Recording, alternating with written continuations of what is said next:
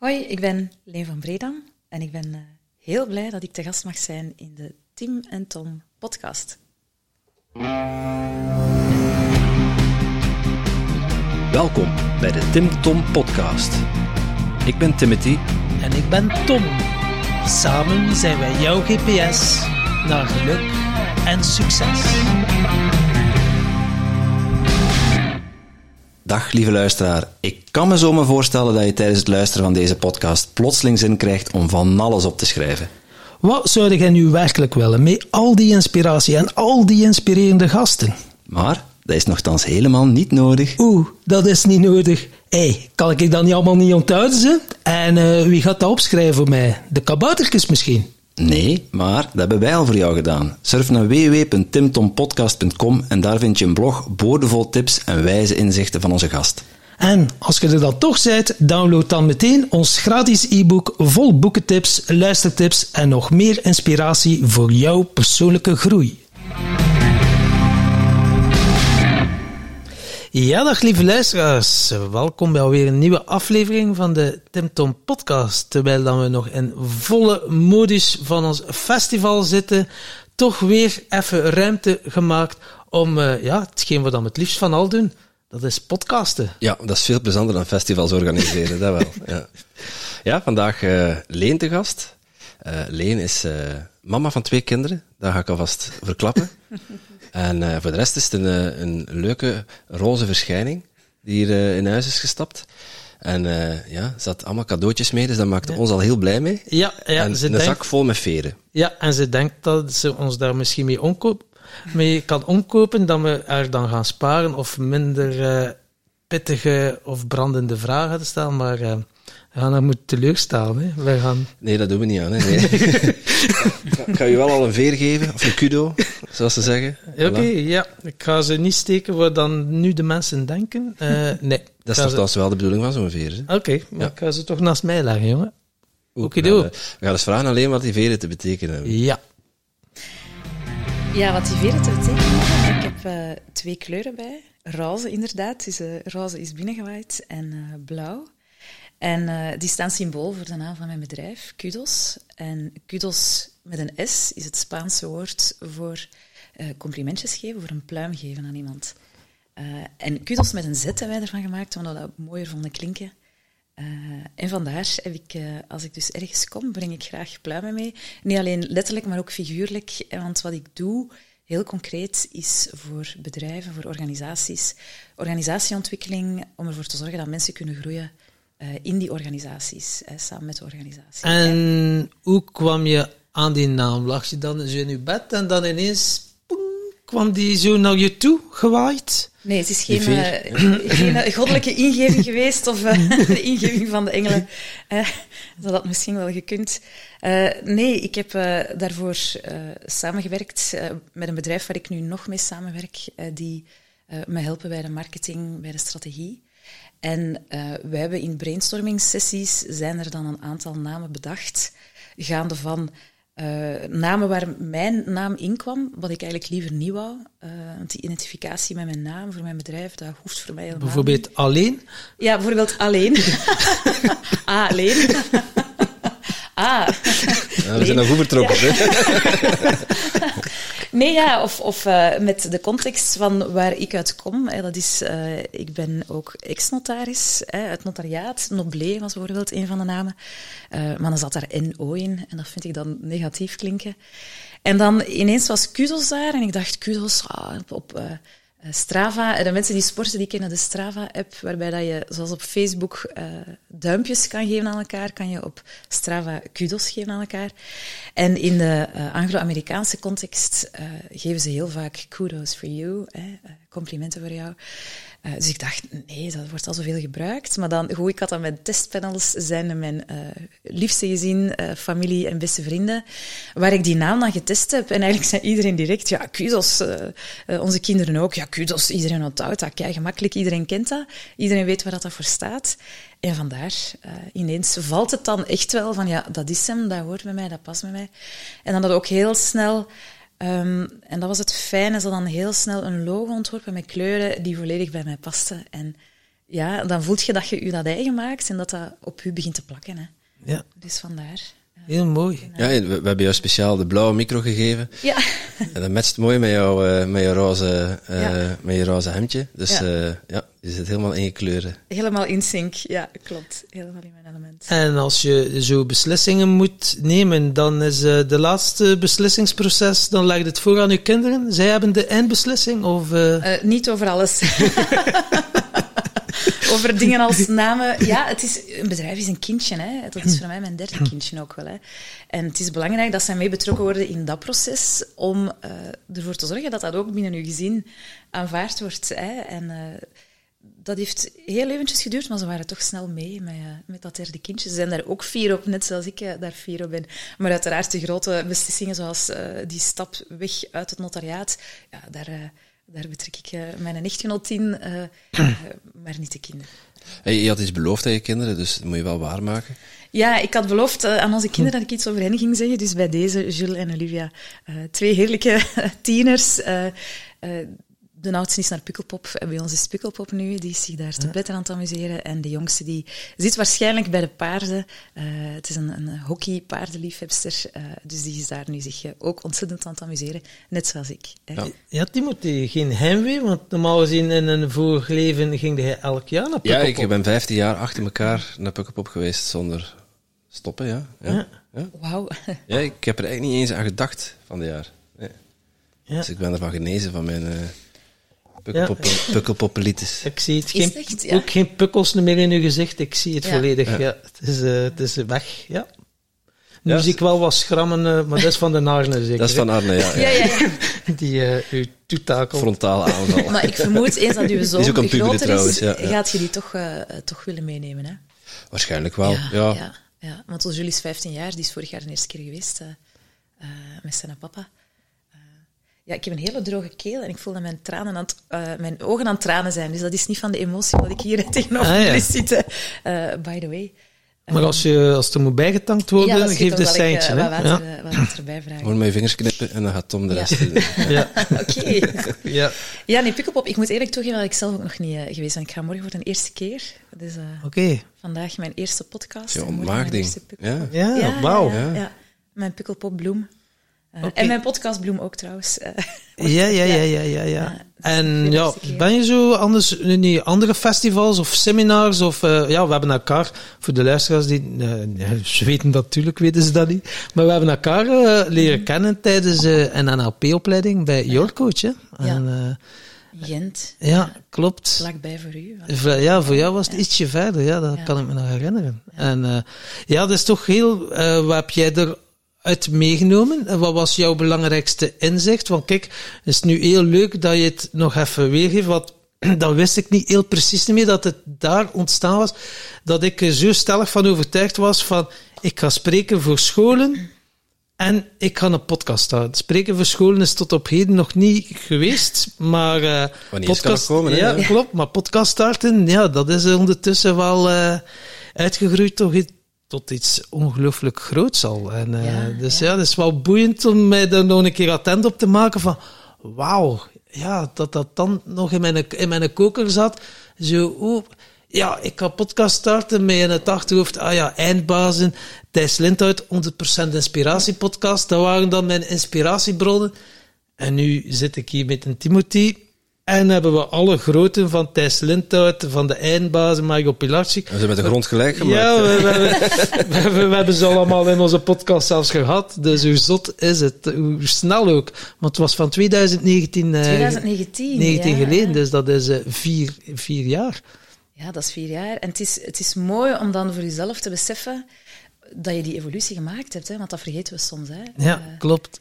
Eigenlijk zou je zo op dat moment een foto moeten maken van hoe dat je dan voelde. En dan dacht... Ik, ik, weet, ik vond dat toen al inspirerend. Jij was daar zo stellig in. Eh, ik, ga, ik ga een podcast maken. En ik geloofde dat direct. Ik zeg, ja, die gaat dat doen. Hè? Eh, Ja. Hij was naar mij ook zo stellig, hè? Ja, dat kan nog iemand nodig voor de techniek. Ja, maar dus. hij zei dat niet tegen mij, hè? hij zei niet, ik ga met jou een podcast Hij maken. zei tegen mij ook van, ik ga een podcast starten en jij gaat meedoen.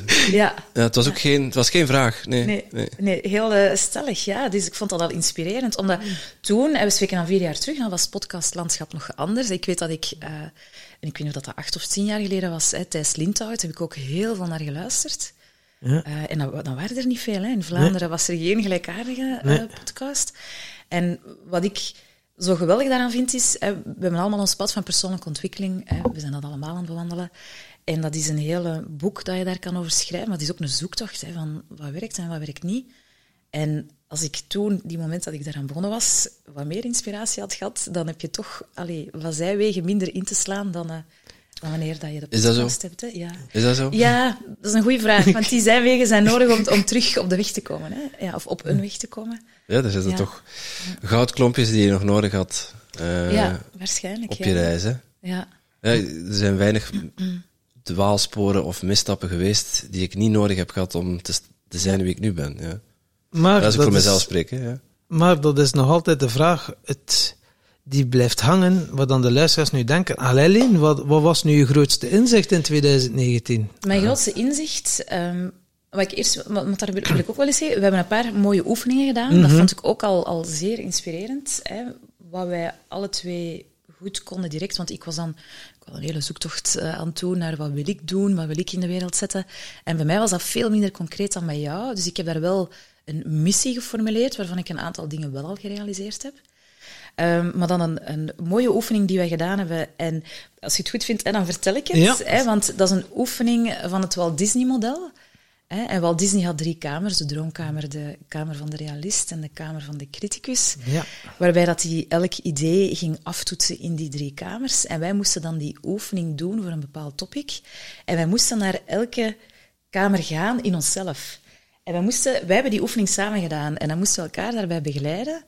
En ik weet dat jij in de kamer van de criticus zat, waarbij dat je zo, zo diep bent gegaan in jouw gevoel, dat je op een gegeven moment gezegd hebt van ja, ik stop, ik ga er terug uitstappen. En eh, op dat moment allee, kon ik daar heel erg op aansluiten, die diepte waar dat jij toen zat, van heel erg kritisch zijn en de dingen die gebeurd zijn en de, de pijnlijke stukken die er zijn.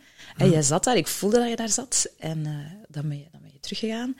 En dat, dat is iets wat ik nooit vergeet. En die oefening gebruik ik eh, wel eens regelmatig eh, in organisaties. Hè. Ja. We gaan nu brainstormen. We zitten in de kamer van Walt Disney. We gaan geen kritiek geven, want we zijn aan het brainstormen. Alles kan, alles mag. We dromen. Dan gaan we kijken eh, naar de criticus. Dan gaan we zoveel mogelijk kritiek geven. En dan gaan we zien of het realistisch haalbaar is. Dus dat is iets, hè, dat model. En nog een aantal modellen die ik voor mezelf ja, dat is heb waar. meegenomen. Ik heb toen ook op dat moment eh, de opleiding bemiddeling gedaan. De basisopleiding en ook de specialisatie eh, familiale. En waarbij het dan gaat over ja, echtscheidingen. Ehm, maar wat je leert, zowel bij de NLP als bij de bemiddelingen, is eigenlijk dat downchunken door vragen te stellen en bepaalde technieken om de mensen naar hun gevoel te brengen. En dat heb ik ook wel, eh, ook wel meegenomen. Ik heb nogal veel ongeduld. Ik heb heel vaak te vertragen, eh, ook in mijn vragen stellen en in vooruitgaan in mijn werk. Ehm, dus daar is wel een start mee gemaakt. Dat besef van, je hebt af en toe te vertragen, één. En, en dat downchunken, ik, bij mij is toch heel vaak een zoektocht naar wat is nu met één vraag een goede vraag op dat moment. Waardoor dat je dingen kan in beweging brengen eh, die zorgen voor, voor eh, een verschuiving, hè, voor verandering. Ja, want normaal gezien, hè, bent dan notaris, hè, toen ik jou leerde kennen. Dat zijn net toch- af, net af. Ja, dat zijn Ja. dan ook vooral de, de hoofdmensen, hè? Dat Eh, zijn de nu- hoofdmensen, ja, Ja. ja. Ja, ja, ja, ja. Dat is een heel rationeel beroep, hè. alle juridische Ja, beroepen. klopt. Ja, ja. En daar is voor mij de uitdaging, ook in het werk dat ik nu doe, om ze eigenlijk op een vriendelijke, lieve manier van dat hoofd naar hun gevoel te brengen. En daar zijn een aantal eh, technieken voor, hè, Ja. om dat te doen. Van je hoofd naar je gevoel. Eh, vertel, hoe, hoe pak je dat aan? Ja, wat ik altijd mee start in de opleidingen, en je merkt aan het begin van het traject dat de mensen dan wat ongemakkelijk zijn. En dat is, voor mij is dan een klassieker, eh, dat is de, de check-in eh, van Deep Democracy, die gebruik ik. Ehm, ik steek dan altijd, probeer altijd creatief te zijn in mijn vragen. Hè. Daar zit altijd een vraag in, in de zin van, hoe, hoe zit je erbij vandaag? Hoe voel je je vandaag? Dus dat zorgt er al voor dat ze even moeten, moeten landen, inchecken, hè, in de vergadering waar we ingaan. En ehm, daar zit dan ook een leuke vraag in, waardoor dat ze elkaar weer wat beter leren kennen en dat er wat gelachen wordt. En dan zit er ook een verwachtingsvraag in. Wat is voor jou belangrijk vandaag? Zodat ik ook kan toetsen van, wat verwachten ze hier eh, van een agenda? Je merkt in de trajecten ehm, hoe langer ze met mij aan het werken zijn, hoe vlotter dat, dat gaat. En dan merk je ook mensen die later dan in het bedrijf komen werken, die dan voor het eerst zo'n check-in doen, merk je dat verschil dat die dat traject niet hebben, niet hebben meegedaan. Want onze podcaster is eh, 1% groei, 99% fun. Dus ik ben wel benieuwd, eh, wat is uw top 3 van leuke vragen, uh, waar dat mensen dan moeten lachen? Uh, ja, wat ik een hele toffe vind, er zal altijd iets met sport of, of muziek. Hè? Dus een leuke vraag voor mij is, stel dat je een bokser was, wat is jouw favoriete liedje dan om op te komen? Hè? Dat vind ik een, een toffe. Of, of gewoon, wat is jouw guilty pleasure? Ja. Vooral omdat ze dat niet weten van elkaar. Hè? Of, ja. of soms wel, maar meestal niet. Dat is één. Of als je naar de Olympische Spelen zou gaan, hè, want mijn, mijn zus uh, is een, een uh, voormalig Olympisch atleet, hè, die is in 2008 geweest. Welke sport zou je dan beoefenen? Zie je zo die vragen zitten erin. Oké, okay, ja. ja. leuke, leuke vragen. Ja. ja. Dus, dat vind ik... ja, en dan, ja, je begint dat zelf. Ja. Ik weet wel, dat is wel leuk om een vergadering te beginnen. Ik vind het ook altijd belangrijk om, om, om goed in te checken. En dat heel veel bedrijven slaan dat gewoon over, hè, bij overleggen of bij um, ja. ja. besprekingen. Iedereen die gaat zitten, maar ja, je bent er eigenlijk niet. Hè. De helft zit nog op zijn telefoon, ja. uh, de andere helft is vijf minuten te laat. En ja, ze zitten mailtjes te beantwoorden en er staat er nog één op de gang te bellen. Ja. En vervolgens wil je de vergadering starten en dan, ja, ja, dat ding even weg. Maar in hun hoofd zitten ze nog halverwege dat mailtje van zo'n type zijn. Ja. ja, en door een check-in land je in de vergadering. Hè. Ik doe ook altijd een check-out, omdat ik vind het fijn om, om iets officieel te beginnen, maar ook iets af te ronden. Mm. Dat je weet, nu is het, nu is het afgerond. Dus dat, dus dat is een mooie techniek om mensen van hun hoofd naar hun, uh, hun hart te brengen. Ja, ja dat is wel uh, heel wezenlijk inderdaad. Dat is uh, interessant voor onze meetings. Maar ja, dat, doen we al, hè? dat doen we al. Inchecken doen wij altijd. Doen, maar het uitchecken is ook wel belangrijk. Van te voelen van, oké, okay, nu is het afgelopen. Ja, en die doe ik meestal kort. Dat hoeft niet lang te zijn. Dan zeg ik gewoon één zin of één woord. Uh, één zin of één woord. Uh, um, of enkele zinnen. Wat neem je mee? Want dat je... Mm. Ja. ja. gewoon om het af te ronden. Ja. Is dat een Wat, wat ook een mooie manier is, uh, die ik regelmatig doe bij kick-off meetings, is uh, afhankelijk van de grootte van, uh, van het bedrijf uiteraard, is dat ik ze eigenlijk vraag om in stilte, dat is een, een oefening van een systemische coach, trainer, John Whittington, om ze te laten opstellen in volgorde van anciëniteit in het bedrijf. In stilte moeten ze dat doen. Dat zorgt al voor veel gegniffel. Hè, want van ja, wanneer was ik nu begonnen? En dan zeker ook als de, de, de vennoot, of de bedrijfsleider, als die er later is bijgekomen, moet hij dan voor ons gaan staan of na ons? Dus ik laat ze dan in stilte opstellen. En dan zien ze ook, hè, dus een bedrijf waar veel verloop is, dan zien ze eigenlijk visueel van, oh, ik sta hier in de eerste helft, terwijl ik hier nog maar een jaar werk. Dus ook eens goed om zo... zo dat Bedrijfs, visueel... Bedrijfsanciëniteit ook. Ja, uh, ja, ja, dus anciëniteit in het bedrijf, inderdaad. Ja. En dan vraag ik ze ook altijd van, vertel eens waar dat je dankbaar voor bent ja, waar ben je dankbaar voor in dit bedrijf? Hè? Wat, wat heeft het bedrijf gezorgd voor jou, hè? opgeleverd voor jou? En ook welk stuk, of, of een andere, niet altijd samen, maar welk stukje van jou zit hier, zit hier in dit bedrijf? Ja. Dus dat vind ik ook uh, mooi. Dat is even stilstaan van... Uh, ja, heel mooi. Ja, er zit een stuk in van mij toch wel. En uh, ik mag ook wel dankbaar zijn. Ook al zijn er waarschijnlijk heel veel dingen waar ik niet tevreden over ben. Er zijn dan bijvoorbeeld ook wel onderzoeken dat misschien hoeveel was, 65% of 70% eigenlijk tegen een goesting gaan gaan werken. Dus dat zullen ja. dan ook wel tegenkomen. En die, dat zal jij al snel voelen van, ja. oei, die zit hier precies toch niet op zijn plaats. Hoe gaat het daarmee om? Want dat kan toch wel de dynamiek ernstig verstoren? Of, uh... Ja, dus dat is ook een van de redenen waarom ik die opstelling doe van in het begin. Omdat ik dan uh, heel snel mijn stakeholder-analyse doe. Ik peil dan van wie heeft er weerstand, wie niet. Dus ik zie dat eigenlijk al aan de blikken van de mensen als ik, als ik hen vraag om dat te doen. Die, die ja, nors kijken. Of, uh, ja, en dan is, hoe ga je daarmee om? Het is eigenlijk, eigenlijk kwestie van te peilen, wat is de weerstand? Hè? Want weerstand, veel mensen vinden dat niet goed. Hè? Mensen, bedrijfsleiders die een verandering willen realiseren, die zeggen, ja, weerstand, dat moeten we niet hebben, want dat is niet plezant. Hè? Het zijn vervelende situaties, pijnlijke momenten. Maar die wil iets zeggen. En dan is het een kwestie van daar stem aan te geven, taal aan te geven. Wat is die weerstand? Is dat weerstand op mij? Het kan zijn dat iemand niet houdt van mijn roze blouse. Of wat ik op dat moment aan heb, hè, die mij niet leuk vindt. Hè. Dat is dan relationele weerstand. Of uh, is die weerstand voor iets anders. Dus ik probeer eigenlijk snel te peilen naar de oorzaak van de weerstand. En, en dan kijken hoe je daarmee kan omgaan. Ja, want jij zegt nu systemisch werk. Hè. Veel mensen kennen het, hè, familieopstellingen, hè, om toch wel uh, problemen uh, naar de oppervlakte te brengen. Of uh, staat iemand wel op zijn juiste plek? Hè. Veel mensen kennen dan ook, denken dan aan Els van Stijn hè, van de Fontein. maar dan, jij werkt systemisch werk in de organisatie.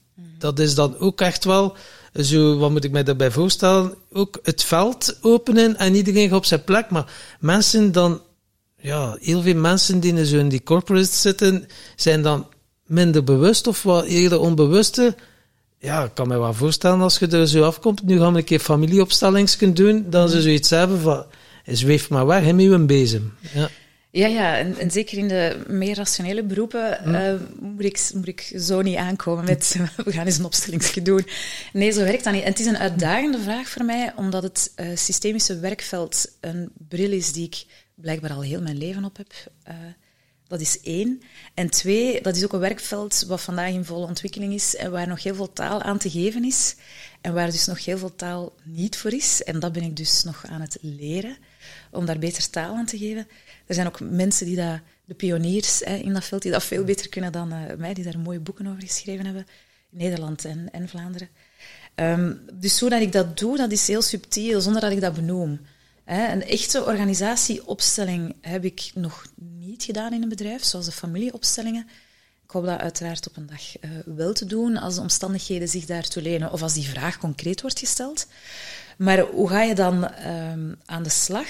Daar zijn dus de, de, het, het, opstellen in anciëniteit is een systemische interventie. Mm um, wat je te doen hebt als systemisch organisatieontwikkelaar is heel erg voelen wanneer je je bedrijf binnenstapt, welke energie zit er uh, welke emoties zitten er? Uh, welke weerstand zit er? Hoe voelt die weerstand? Dus je hebt eigenlijk je lichaam te gebruiken als antenne om te voelen wat dat er speelt in een bedrijf. En dan ga je daarmee aan de slag. Dat is voor, ik werk heel erg op bewustwording, dus vragen stellen, om ervoor te zorgen dat ze een, een beweging maken in die bewustwording. En ik kan alleen maar de ruimte creëren, dus je creëert wel een energetisch veld. En dat is niet altijd even gemakkelijk. Uh, nee. Je hebt waar ik graag mee werk, je hebt de bovenstroom, je hebt de onderstroom. Waar de meeste bedrijven al heel erg in geoptimaliseerd zijn, dat is de bovenstroom, dat is de, de hard skills, hè, noemen ze. HR, de processen. Um, al het rationele zit daarin. En de onderstroom, je kan dat vergelijken met het ijsbergmodel van uh, McClelland. De onderstroom, dat is eigenlijk alles wat men niet hoort, niet ziet, wel voelt vaak, maar niet goed weet hoe dat ze ermee kunnen omgaan. Dat is mhm. eigenlijk alles wat zich tussen de mensen afspeelt. Het relationele weefsel, alle spanning die daarop zit, alle vermogens die daar vastzitten, energieën die daar geblokkeerd zijn, dat zit in de onderstroom. En als organisatieontwikkelaar heb je die, die dans te maken tussen die bovenstroom en die onderstroom. En dan is die, die, die deur van dat rationele is dan vaak met een ingang hè, om uh, naar die onderstroom te gaan. Dus wat ik bijvoorbeeld doe aan het begin van een traject is ik ga heel veel rationele parameters gebruiken. Ik ga kijken naar um, hoe zit het met de lonen. Ik ga die laten oplijsten. Hoe zit het met het verloop? Uh, hoe zit het met uw ziekteverzuim? En dan kan je bijvoorbeeld door die oefening te doen uh, teruggaan in de tijd voor vijf jaar en dan oplijsten wie er allemaal gekomen en gegaan is. Hoe lang zijn ze gebleven? Hoe zijn ze gekomen? Hoe is ziekteverzuim? Bij wie zit het ziekteverzuim? Ja, dan ga je zorgen voor bewustwording. En dan creëer je openingen om te gaan werken in die, in die onderstroom. Ja. En dat doe je dan vooraf voor, uh, tenminste, je, je wordt dan gevraagd door, uh, door bedrijven om, om een probleem te komen oplossen. Wat, is jouw ingang bij, bij bedrijven? Ja, en dat is een mooie vraag, omdat ik, ik heb mijn uh, professionele carrière is in, in twee stukken.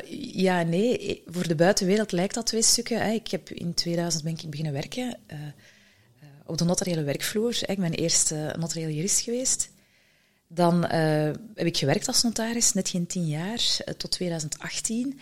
En dan heb ik de switch gemaakt naar de organisatieontwikkeling. Maar eigenlijk heb ik dat al mijn, mijn hele leven gedaan, hè? Al van kleins af aan zelfs. Um, dus wat is mijn ingang? Want nu af en toe moet je mij eens terugnemen. Hè. Dan maak ik een hm. omweg. Dus uh, nu, moet ik, nu ben ik even mijn draad kwijt. Dus wat, wat u vraagt, het was een goede vraag. Uh, de vraag was, hoe, hoe kom je binnen bij bedrijven? Hoe benaderen ze jou? Wat voor hoe benaderen ze jou? Ja, inderdaad. Dus daarom dat ik de inleiding gegeven heb. Um, in 2018 heb ik mijn ontslag gegeven. Ik wilde in eerste instantie nog terugwerken als notaris, want ik deed die job ook graag. Ik heb dat echt met hart en ziel gedaan. Het is ook een mooi beroep, hè, ondanks alle kritiek uh, die er vandaag is hè, van een aantal politieke partijen. Uh, met heel veel dienstbaarheid voor, uh, voor de klanten. Um, dus ik merk dat ik naar kantoren ga waar ik gevraagd word om te komen, maar waar er moeilijkheden zitten in de samenwerking, in de werkvloer. En ik denk, ja, ik kom juist, ik kwam uit een, een lastige samenwerking, we hadden alle twee onze rugzak. Ik heb ook heel veel dankbaarheid naar die samenwerking, want dat waren ook waardevolle lessen. En uh, die kantoren waar ik wil gaan werken, waar ik denk, nu kan ik vooruit gaan en organisatieontwikkeling doen, die komen niet op mijn pad. En dan is corona daar. Hè. Dat is voor iedereen een césuur hè, in ons uh, professionele privéleven. Uh, voor mij was dat zeker ook zo. Ik had op dat moment uh, geen kantoor. Ik zat thuis met mijn gezin, hè, met mijn nichtgenoot die al te veel gereisd heeft. Uh, ja, de kinderen naar school. Ik een hele drukke job. En voor ons was dat een ongelooflijke adempauze. Dus we hebben daar heel veel deugd aan gehad. Het was ook keigoed weer in het begin, dus we zijn heel veel gaan wandelen, fietsen. Hè. Wij wonen in het mooie Limburg. Mm. Uh, dus we hebben heel veel mooie plekken ontdekt nog. Dus dat is dan de volgende stap. En dan denk ik, ja, oh, die kantoren komen niet op mijn pad. Um, hoe komt dat? Ik kan terug gaan werken als notarieel jurist, maar ik deed dat niet meer graag. Dat is een hele administratieve job. Uh, heel, heel veel uh, routine en zo verder. Ik mijn creativiteit daar niet in kwijt. Dus ik ga iets bedenken voor tussendoor. Ik ga een tussendoortje bedenken tot ik terug kan werken als notaris, wat geen dossierbeheer is. Wat is er nodig in een notariaat, in die vrije beroepen, wat er vandaag niet is. Ah, organisatieontwikkeling. Dat management van de kantoren, de notarissen, die hebben er geen tijd voor, want die moeten hard werken. Die zitten bezig met hun actes, met hun afspraken. En dan ben ik eigenlijk uh, kudos beginnen uitwerken. Maar dat begon dan te groeien en dat was helemaal mijn ding. Ik had er heel goed een why, een what, een how. Hè. Mm. Uh, heel goed gedaan. Uh, en ik deed dat graag. Nog altijd corona ondertussen. Hè. En dan kom ik op de markt eind 2021. Dus ik zit nog niet zo lang op de markt. Dus mijn eerste kantoor, mijn eerste projecten, ben ik opgestart in 2022. En hoe kom je daar dan binnen? Ja, dat is dan via marketingcampagnes, e-mail. En dat zijn de early adapters of adopters, mm -hmm. hè, die dan uh, heel erg vernieuwend zijn en die zo de nieuwe dingen willen proberen. Ja, dat zijn mijn eerste projecten geweest. Uh, en dat zijn allemaal kantoren. Uh, ben je ook opgeschaald naar de accountants, hè, die dan dat ondernemerschap uh, ten volle mogen doen in vergelijking met notarissen die daar heel wat beperkingen in hebben. Um, dus de kantoren waar ik tot nu toe gewerkt heb, zijn allemaal kantoren uh, met innovatie in hun kernwaarden, die sowieso al innovatief zijn, die al heel erg in verandering uh, willen gaan. Maar ik hoor je ook zeggen accountants. Ja.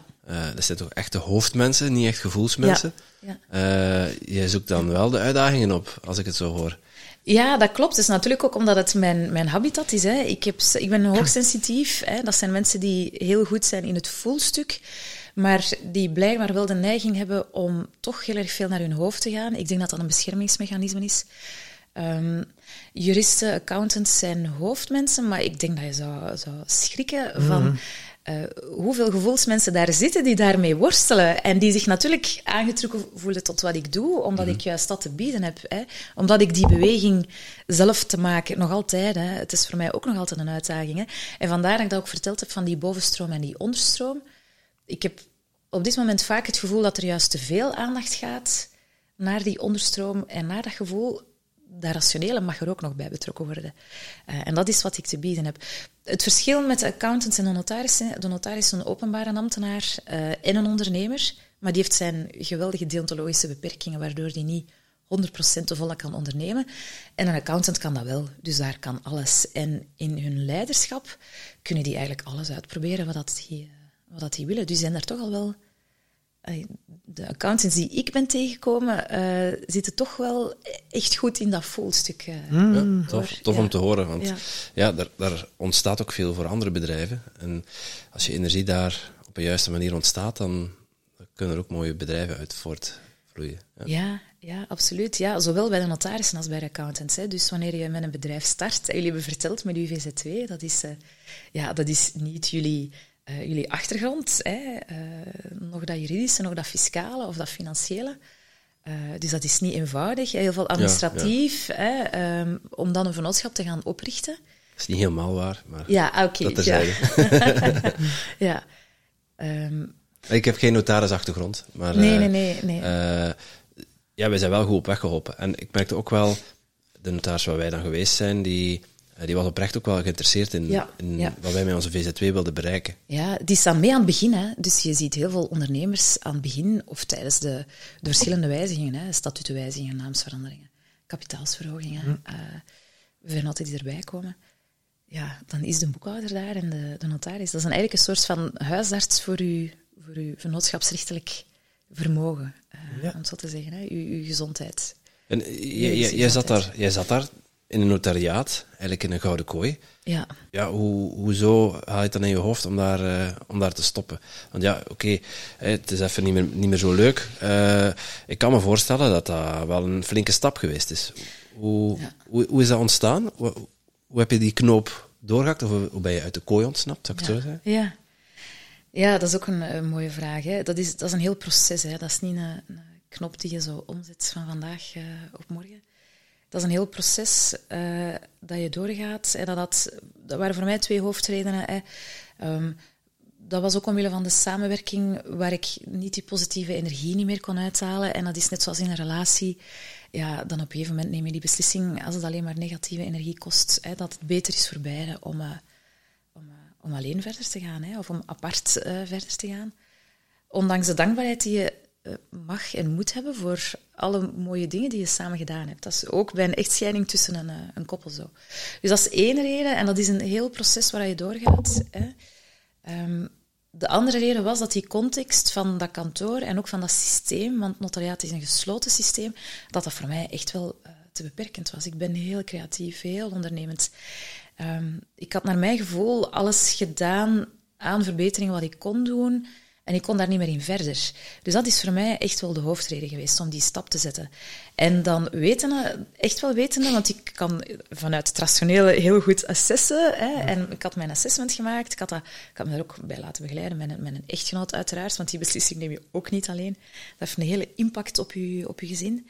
Uh, maar dan ook de business coach waar ik uh, toen mee samenwerkte, de accountant. Uh, niet mijn vaste accountant, maar um, iemand die ik speciaal daarvoor onder de arm genomen had. Um, dus echt op voorhand bedenken, gaan nadenken van wat betekent dat allemaal? En weten dat die gouden kooi, dat je die verlaat. Hè? Uh, zoals we daar straks gezegd hebben, de illusie van zekerheid die ik dacht te hebben, ga naar, ik gebruik uw woorden, hè, Tom, ja. naar de realiteit van de, de onzekerheid, wat het echte ondernemerschap ook wel is. Hè. Um, maar de vrijheid die ik daarvoor in de plaats heb gekregen, is, is onbetaalbaar. Dat is onbeschrijfelijk hoe dat, dat voelt. Ik heb dat ook altijd met beelden. Ik ben een beelddenker, hè, dus het beeld dat ik voor ogen had, dat was, ik kan mijn werk van overal doen. En ik had er ook een paar beelden voor. En met mijn laptop ergens met zicht op zee werken.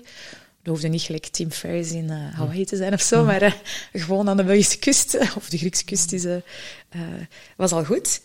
Um, dat was een beeld en dat heeft ontzettend veel moed gevraagd. Ja, want je steekt je hoofd boven het maaiveld uit op een manier... Ja, en, en dan als hoogsensitief zijnde, um, dat is zeer zwaar geweest. Tot op traumatiserende af zelfs. Hoe, hoe de deuren dichtgaan op een manier... Heel pijnlijk, heel zwaar. Ja, ja.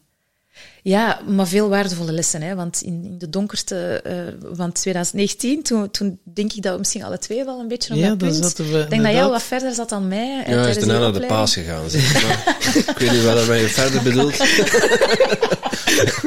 ja, ja, dat was inderdaad wel... Uh, 2019 was voor Ja. mij wel transformatiejaar. Ja, Ja, dat is uh, ingrijpende beslissingen genomen. Idem, ja. idem, ja, ja. Dus we zaten alle twee Ja. aan datzelfde punt en daar connecteerden wij. eh, Ja, ja, ja, op, ja, ja, we, hadden, inderdaad. we hadden de connectie met onszelf terug te vinden. Hè. Eh, Niet te veel kudo's geven aan hem. Nee. Oké, ik zal nu... eh, Ja, maar dat klopt inderdaad. Ja, keuze Ja. gemaakt om uh, uit elkaar te gaan, de relatie. Ja, we al elf jaar samen zijn, als vriendschap. Of een nieuwe relatie en dan het niet meer weten. En dan heb je achtergrond met NLP en hypnose.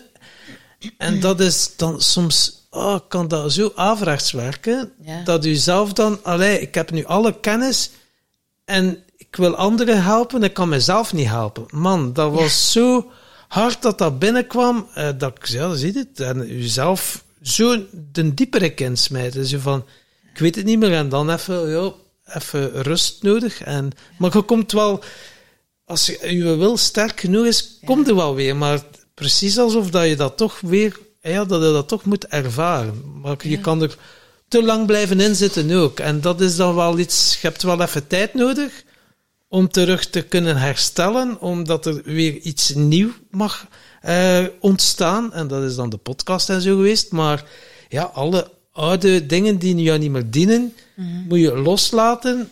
Ja, dat proces, dat is niet zo dat dat is zo op, loslaten. Oké, pak het nieuw vast. nee, dat is niet van, niet van A naar B. Nee, nee.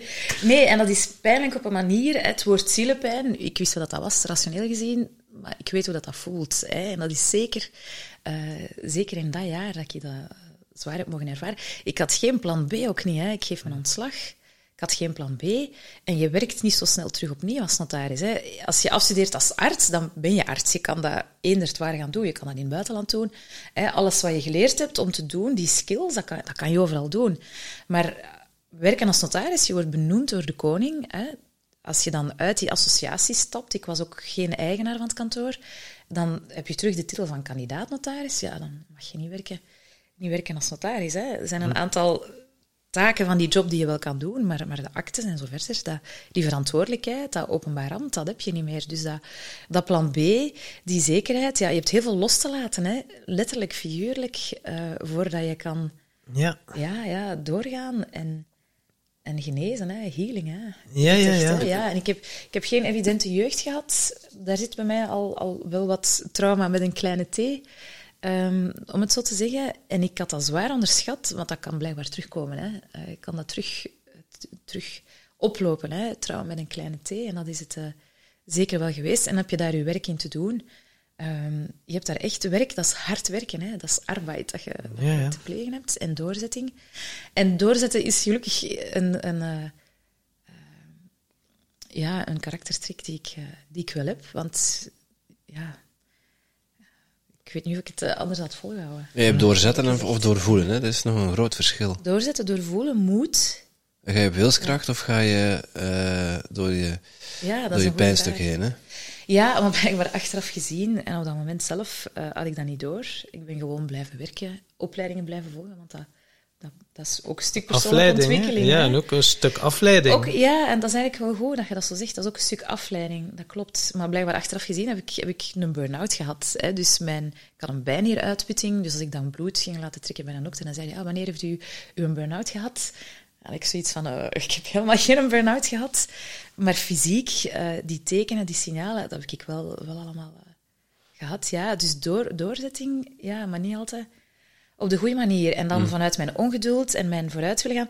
Ik was laatst, en dat is eigenlijk nog niet zo lang geleden, um, ik sport heel graag, ik sport heel veel. Ik heb nu een personal trainer, een dame die dat heel goed doet. En ik moest dan op de plio-box niet springen, maar stappen heel snel. Hè. Je kent zo die oefeningen. Mm. En mijn houding die ik had, was heel snel... Dat heel snel doen, één. En heel erg vooruit hangen. En ze zei, Leen, kijk eens hoe dat je staat. En dan denk ik, ja, dat staat eigenlijk symbool voor hoe dat ik toch te vaak in het leven sta en blijf doorgaan, terwijl dat je ook te genieten hebt van die weg onderweg, hoe zwaar dat die ook is. Dus je hebt dan burn-out gehad en dat was dan gesitueerd... Uh, 2019. 2019.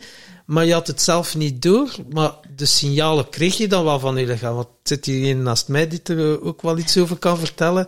Dat hij dan duizelingen kreeg en zich moest vasthouden aan, aan kasten, omdat het gewoon niet meer ging. En dat hij zei van, het is op, nu gaat het niet meer. Ik ben, ah ja, het, kon niks meer. Was dat bij jou dan ook het signaal of niet? Het was eigenlijk de dokter die zei, oei, wanneer heb je een burn-out gehad? Dat je dan beseft, ah, heb ik een burn-out gehad? Ja, en vanuit die doorzetting ben ik constant, we zijn, al, we zijn alle drie zoekers. Hè. Ik denk de meeste hm. mensen die hier in de podcast komen, blijven heel hun leven zoekende. Ik heb uh, vroeger uh, gevolleybald, niet op het hoogste niveau, hè, zoals mijn zus en mijn man. Uh, maar ik heb wel op een goed niveau gevolleybald. Dus als, als atleet voel je heel goed je lichaam aan. Ik ben hoogsensitief ook nog. En ik denk die combinatie heeft er voor mij wel altijd voor gezorgd dat ik elke keer als ik iets voelde in mijn lichaam, daar ook wel de nodige actie voor ondernomen heb. Dus, uh, want goed, dat vraagt ook wel wat opening in je zin. Ik doe heel veel aan. Ik ga naar de acupuncturist, uh, voetreflexologie. Ik ben voor mijn ontslag in 2018 was eigenlijk alles ik was eigenlijk een topatleet terug. Ik had dan ook een Spartacus run meegedaan. Ik had heel goed getraind, mijn voeding was in orde. Uh, ik had alle nodige coaches daarvoor. Uh, dus ik doe, op het moment dat ik iets, dat klinkt nu kleinzerig, van ah, ik voel een pijntje, ik ga daar gevolg aan geven. Nee, zo is dat niet. Hè. Um, ik voel normaal gezien wel op tijd aan van je moet actie ondernemen en, en daar iets aan doen. Dus ik heb heel veel geslapen ook, hè, uh, die periode. Hè. Ontzettend veel. En ik mocht dat gelukkig allemaal in mijn, in mijn gezin. Mijn man heeft mij daar de ruimte voor gegeven hè, om dat te doen. Um, dus heel veel rust nemen. Ik heb dan... Corona is ook wel een redder geweest, dat moet ik wel zeggen. Uh, doordat we ineens gewoon verplicht moesten onthaasten. Hè. Uh, dat heeft zeker geholpen. Ik heb een, een zus die daar goed op let. mijn man zelf mijn kinderen ook, hè, die geven ook signalen. Vrienden, een aantal hele goede vriendinnen die daar ook wel uh, op wijzen. Um, maar het blijft, en, en, en ik dacht dat is nu voorbij, en het is op zich goed dat we het erover hebben, omdat ik nu uh, nog niet zo lang terug hard aan het werken ben. Ik heb nu anderhalf jaar uh, mijn eerste project gedaan en heel hard gewerkt.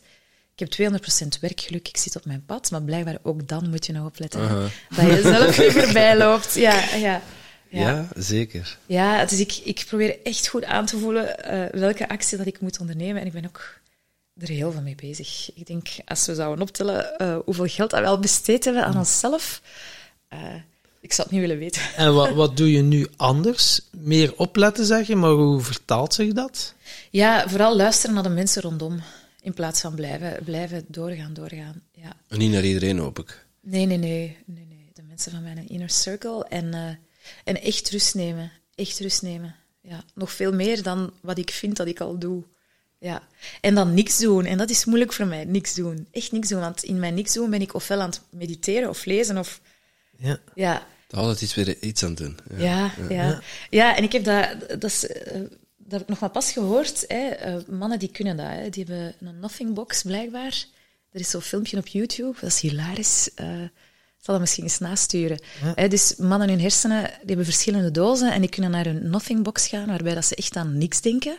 Vrouwen hebben dat niet, blijkbaar. Uh, Oké. Okay. Ja, dus dat is een uit. is trouwens ook een uitdaging voor vrouwen in het algemeen. Hè. Hard werken. Ik ben toch meer vrouw dan man. ja, zo hoor. zie je vrouwelijke kant dan. Ja, ja. ja. ja. Ik kan ook heel moeilijk niks doen. Ja, ja. ja het is ja, die actie. Hè, ja. De doemmodus. Ja, ja dat, dat verschilt ook van persoon tot persoon natuurlijk. Ja. En ja, in die manifestatiekracht, daar zit heel veel waarde. Maar dat is ook een valkuil. Ja. Zoals je net zelf zegt, van, ja, het is, zeker als je daar al geweest bent op dat pad. Ik had dat ook niet vast hoor, dat het een, dat het een burn-out was. Ja. Mensen noemen dat zo, maar ja, ja uh, het is ook een containerbegrip. Het is een hokje, ja. Uh, ik hou er zelf ook niet zo van. Maar goed, het is een label wat, wat herkenbaar is en waar, waar mensen zich dan blijkbaar in herkennen. En uh, voor degenen die dat voelen en dat, daar ook in zitten, kan dat wel een, een redmiddel zijn naar de weg eruit. En ik ben wel benieuwd, wat was voor jou dan de weg eruit? Want ja, je, hebt, je hebt genoemd veel slapen, uh, zelfontwikkeling, maar uh, wat was voor jou echt de, de klim naar boven dan? De klim naar boven is, is toch wel consistentie in ja, de dingen doen die goed voor je zijn. Dus ik had, ik had echt wel een receptuur voor mezelf waarvan ik weet als, het, als, het, als ik erover ga, moet ik dat doen. Dat is inderdaad één, slapen. Ik slaap graag. Hè. Ik, heb, ik heb geen nachten van vier uur of vijf uur, gelijk sommigen daar hard op kunnen doorgaan. Dat zal met mij niet gebeuren. Ik heb zeven, zeven uur en half. Maar ik, geef daar niet meer op toe. Um, dus als ik ergens een late vergadering heb en ik heb die dag daarna dat ik ergens vroeg moet zijn, dan zal ik iets, iets verschuiven. Een van de twee dingen. Dus ik doe daar echt geen toegevingen meer op. Als, ik, als we naar een festival gaan, uh, dan ga ik de dag daarna niks plannen. Hè. Uh, en ook de dagen daarna zie ik dat ik daar wat rust in bouw. Dus ik bouw wel actief die rust in. Dus slapen met rust. Dan, um, dan heeft op twee lang mediteren gestaan. Um, dat is nu verschoven naar drie. Op twee staat bij mij toch wel sporten. Omdat ik dat zo graag doe en wat er ook voor zorgt dat je, je gelukshormonen ja, een boost krijgen. En ik heb ook lange tijd niet uh, hard in die sport mogen gaan, omdat als je een bijnieruitputting of die een burn-out hebt, dan moet je ervoor zorgen dat je niet je cortisol doet pieken. Hè. Dus ik heb heel lang uh, met vriendinnen ook gebokst. Dat boksen heb ik lang niet mogen doen, hè, omdat je dan te diep in die cortisol gaat, of als je gaat mountainbiken met je vriendinnen. Uh, dat je, dat je altijd eerst wilt zijn, want dat ben ik ja, die, ook gezond, wel, die gezonde hè? stress vermijden ook. Ja, ja alle, alle vormen van stress vermijden. Dus, ja. Maar wel sporten, en sporten in de zin van bewegen en de, de, de goede bewegingen. Dus wandelen, zwemmen, um, rustig lopen. Krachttraining vind ik een heel belangrijke, ook voor anti-aging. Hè. Uh, wandelen, krachttraining zijn zeer belangrijk, ook als vrouw hè, trouwens is dat superbelangrijk. Uh, dus krachttraining doe ik heel graag twee keer per week, soms drie keer. Al dan niet in de fitnesszaal of met een personal trainer. Ehm, dus op twee, slapen, sporten, mediteren. Ehm, ik doe het op dit moment te weinig. Ik heb het toen enorm veel gedaan, dagelijks twee keer per dag. Geen transcendente meditatie, want dat vind ik dan weer zo iets verplichtend. Maar vermits dat ik een beelddenker ben, uh, laat ik mij gewoon meestromen in, in wat zich aandient. Of ik doe een begeleide meditatie of een meditatie in groep. Dat is eigenlijk, dat vind ik nog de max, want dat zijn de beste meditaties. Uh, dus dat is op drie. En kun dan, niet wegvluchten. Hè? Ik kun niet wegvluchten. Nee, maar de energie van de groep zorgt ervoor ja, ja. Dat, je, dat je eigenlijk... Dat je erbij blijft, hè? Ja, ja en dat je dieper... Uh, de beste meditaties voor mij waren in groep. En dan op vier, pas, pas op vier, uh, voeding. Uh, ja, voeding en drinken. Um, het is ook het stuk waar ik het minste goed in ben, um, maar heel belangrijk. Hè. Op momenten dat, dat mijn routines goed lukken, ja, dan voelt je dat de energie beter zit. Maar het is wel het eerste waar ik in, in wegval. Wat ook uh, uit systemisch coachen blijkt dat dat bij mij ook in de vorige generaties een patroon is. Um, dus dat is zo, denk ik. Ja, en dan, dan de belangrijkste vergeet ik eigenlijk, want het is doorlopend al die, die processen, slapen, um, sporten, mediteren, eten, uh, sowieso connecteren met mezelf, maar met mijn dichte omgeving. Hè. Met mijn man, met onze kinderen, met mijn beste vriendinnen, met mijn familie, met mijn zus, mijn mama. Um, ja, al de mensen die je graag hebt, hè, daar een connectie mee blijven bouwen. Ik heb heel vaak nee gezegd toen ik uh, aan het uitwerken was. Ik heb dat echt van onder de steen gedaan. Het was ook corona. Hè. We moesten ook mm. onder de steen. Maar ik heb ook heel vaak nee gezegd. En ik, ik doe dat al niet graag, nee zeggen. Um, dus heel veel sociale activiteiten niet gegaan. Maar dat toch ook, hè, het is in plaats van FOMO heb je nu JOMO, hè, heb ik ergens gelezen, hè, The Joy of Missing Out. Ja, dat, dat, dat ken ik nu wel. Dat beoefen ik nu toch wel, uh, wel wat vaker. Ja, ja. Maar dus de connectie is eigenlijk doorlopend. Hè. Dat, dat blijft het belangrijkste. Hè. Ja, ik heb je nog geen werk horen zeggen, bijvoorbeeld. Ah ja, dat is een goeie dat je dat zegt, ja. ja. Dat is opvallend. En, ja. en, en, en, ik vind dat wel... Ik bedoel, dat, dat ziet je wel ook. Ja. En omdat ja, veel mensen zijn getrouwd met hun werk en, en verbinden hun identiteit daarmee. Als je zegt van, wat, wat, was mijn klim naar boven? Ja, werk komt dan niet eens in je top 5. Ja, ik vind het nu ontzettend goed dat je dat zegt. Uh, want het doet mij beseffen dat ik het inderdaad niet gezegd heb, omdat ik mijn werk vandaag ook mijn hobby vind. Uh, dus op vakantie gaan met mijn gezin vroeger was dat echt nodig hè, om mijn werk te kunnen volhouden. Nu is dat gewoon omdat ik daar goesting heb, omdat dat fijn is om met je gezin weg te zijn. Maar uh, mijn werk, ja, en mijn werk vormt misschien mijn identiteit niet meer. Nee, maar langs de andere kant heb je toch wel nodig voor je goed voelen hoor. Uh, dus eigenlijk hoort het er wel bij, maar misschien dan maar op plaats vijf, ja. na die eerste vier. Het, het, is een van de dingen ook, als je werkt als notaris of als arts, daar is die identificatie groot. Hè. Uh, daar wordt vaak gezegd, ik ben arts, ik ben notaris. Nee, je werkt als notaris. Ik dacht dat ik dat minder had, omdat ik wist, hè, op het moment dat ik mijn titel niet meer heb, ben ik nog altijd alleen, ben nog altijd mezelf. Alhoewel je nou wel merkt dat mensen nu anders gaan benaderen, toch wel. Hè, als je die titel, uh, die toch nog altijd wel wat aanzien heeft, uh, niet meer hebt. Um, maar dan toch, door mijn weg niet te vinden in de job die ik graag doe en het werk dat ik graag doe, en daarnaar op zoek te gaan en dat gevonden te hebben, besef ik wel dat het toch wel een stuk van je identiteit uitmaakt. Ik heb het wel nodig voor mij goed te voelen. Ja. Maar het is trouw dat ik het niet gezegd heb, dus ik, uh, ik ga er niet verder over nadenken. Dat was een ja. goede vraag. Ja, dat was een ja, rake vraag. Ja. En, en, en het, het, het, valt mij, het valt mij in die zin op, omdat ik heel ver ken wat je zegt natuurlijk. Uh, en voor mij is dat het stukje, stukje zingeving. je, kunt niet, je kunt niet het werk doen ik zeg niet werk in algemene zin, maar het werk. Datgene wat je hier te doen hebt, mm. wat, je, wat je purpose is, wat, wat jouw zingeving geeft, dat kun je niet doen als je er niet bent. Mm. En al die andere dingen die je opgenoemd hebt, zijn, zorgen ervoor dat je er gewoon bent. Mm. En dan. Dan gaat het werk vanzelf bijna. Dat is mooi, ja. ja. Dat is mooi. Ja, die ga ik opschrijven. Ja, soms heb ik zo van die momentjes. ik ben blij dat het opgenomen wordt. Kudos for you. ook onthouden dat je ook blijven krijgen. Ja, ja. ja dat, dat, dat zijn lessen die, uh, die ik heel pijnlijk heb moeten leren. Ja. Uh, en uh, zijn ook valkuilen, hè? Want ook wat je net zei, van, van in, je, in je purpose kun je jezelf ook nog steeds verliezen. Mm. Ja, ja, wel degelijk. Ja. ik heb mijn burn-out gekregen juist op een moment dat het voor mij allemaal voor de wind ging. Uh, maar dat de verantwoordelijkheidsdruk te groot werd, zodat ik mezelf kopje onder aan het duwen was. Mm -hmm. En uh, ja, dan, dan zit er nog altijd zo'n stukje externe validatie om de hoek te kijken.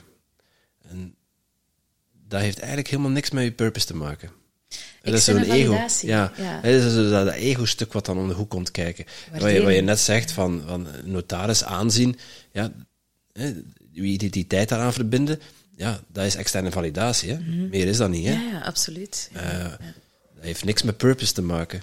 Al, al zijn er artsen genoeg die, eh, die een beroep uitoefenen omdat ze, omdat ze echt iets, iets willen betekenen. Ja. Maar heel dat stuk waar dat je waarde hecht aan die status om arts te zijn, ja, sorry, maar dat heeft niks met je beroep te maken. Nee, nee, dat klopt. Dat is Ook waar. niks met je roeping. Ja.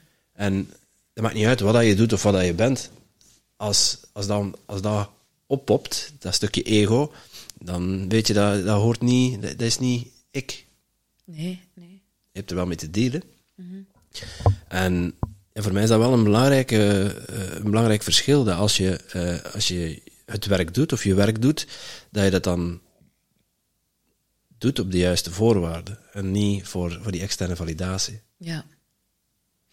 Ja, en dat blijft een proces wat je te onderzoeken hebt. Hè? Zeker. hè, dat is ongoing. Hè? Dat is, dat Want is we continu, krijgen aan want zich allemaal ego is er altijd. Waardering. Hè? Ja. Ja. Ja. En dat mag ook. Hè? We horen allemaal graag hè? Ja, wat dat we goed doen en, Zeker. dat we het goed doen. Weet Het is ook het doorzien van je ego. Hè? Dus op, Ja. op de juiste momenten doorprikken. Ja, Hey, Willem Glaudemans die, eh, we hebben een prachtige podcast opgenomen daarover. Die gaat, de helft van de podcast gaat precies daarover. ja, Hoe simpel het eigenlijk is en hoe ingewikkeld we ons onszelf maken. ja. Ja, dat is ja fantastisch. wat dan Ja. mij blij, bijblijft van de Willem, als er zo het aan het ego komt, dan is hij elke keer één zinnetje, dankjewel ego voor je betekenisloze commentaar.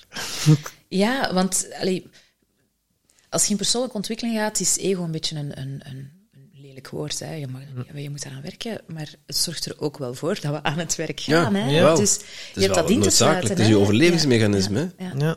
Zorg ervoor dat je blijft leven. ja, Dus ja, omarm het vooral. ja. In plaats van het te willen Ja. vermoorden.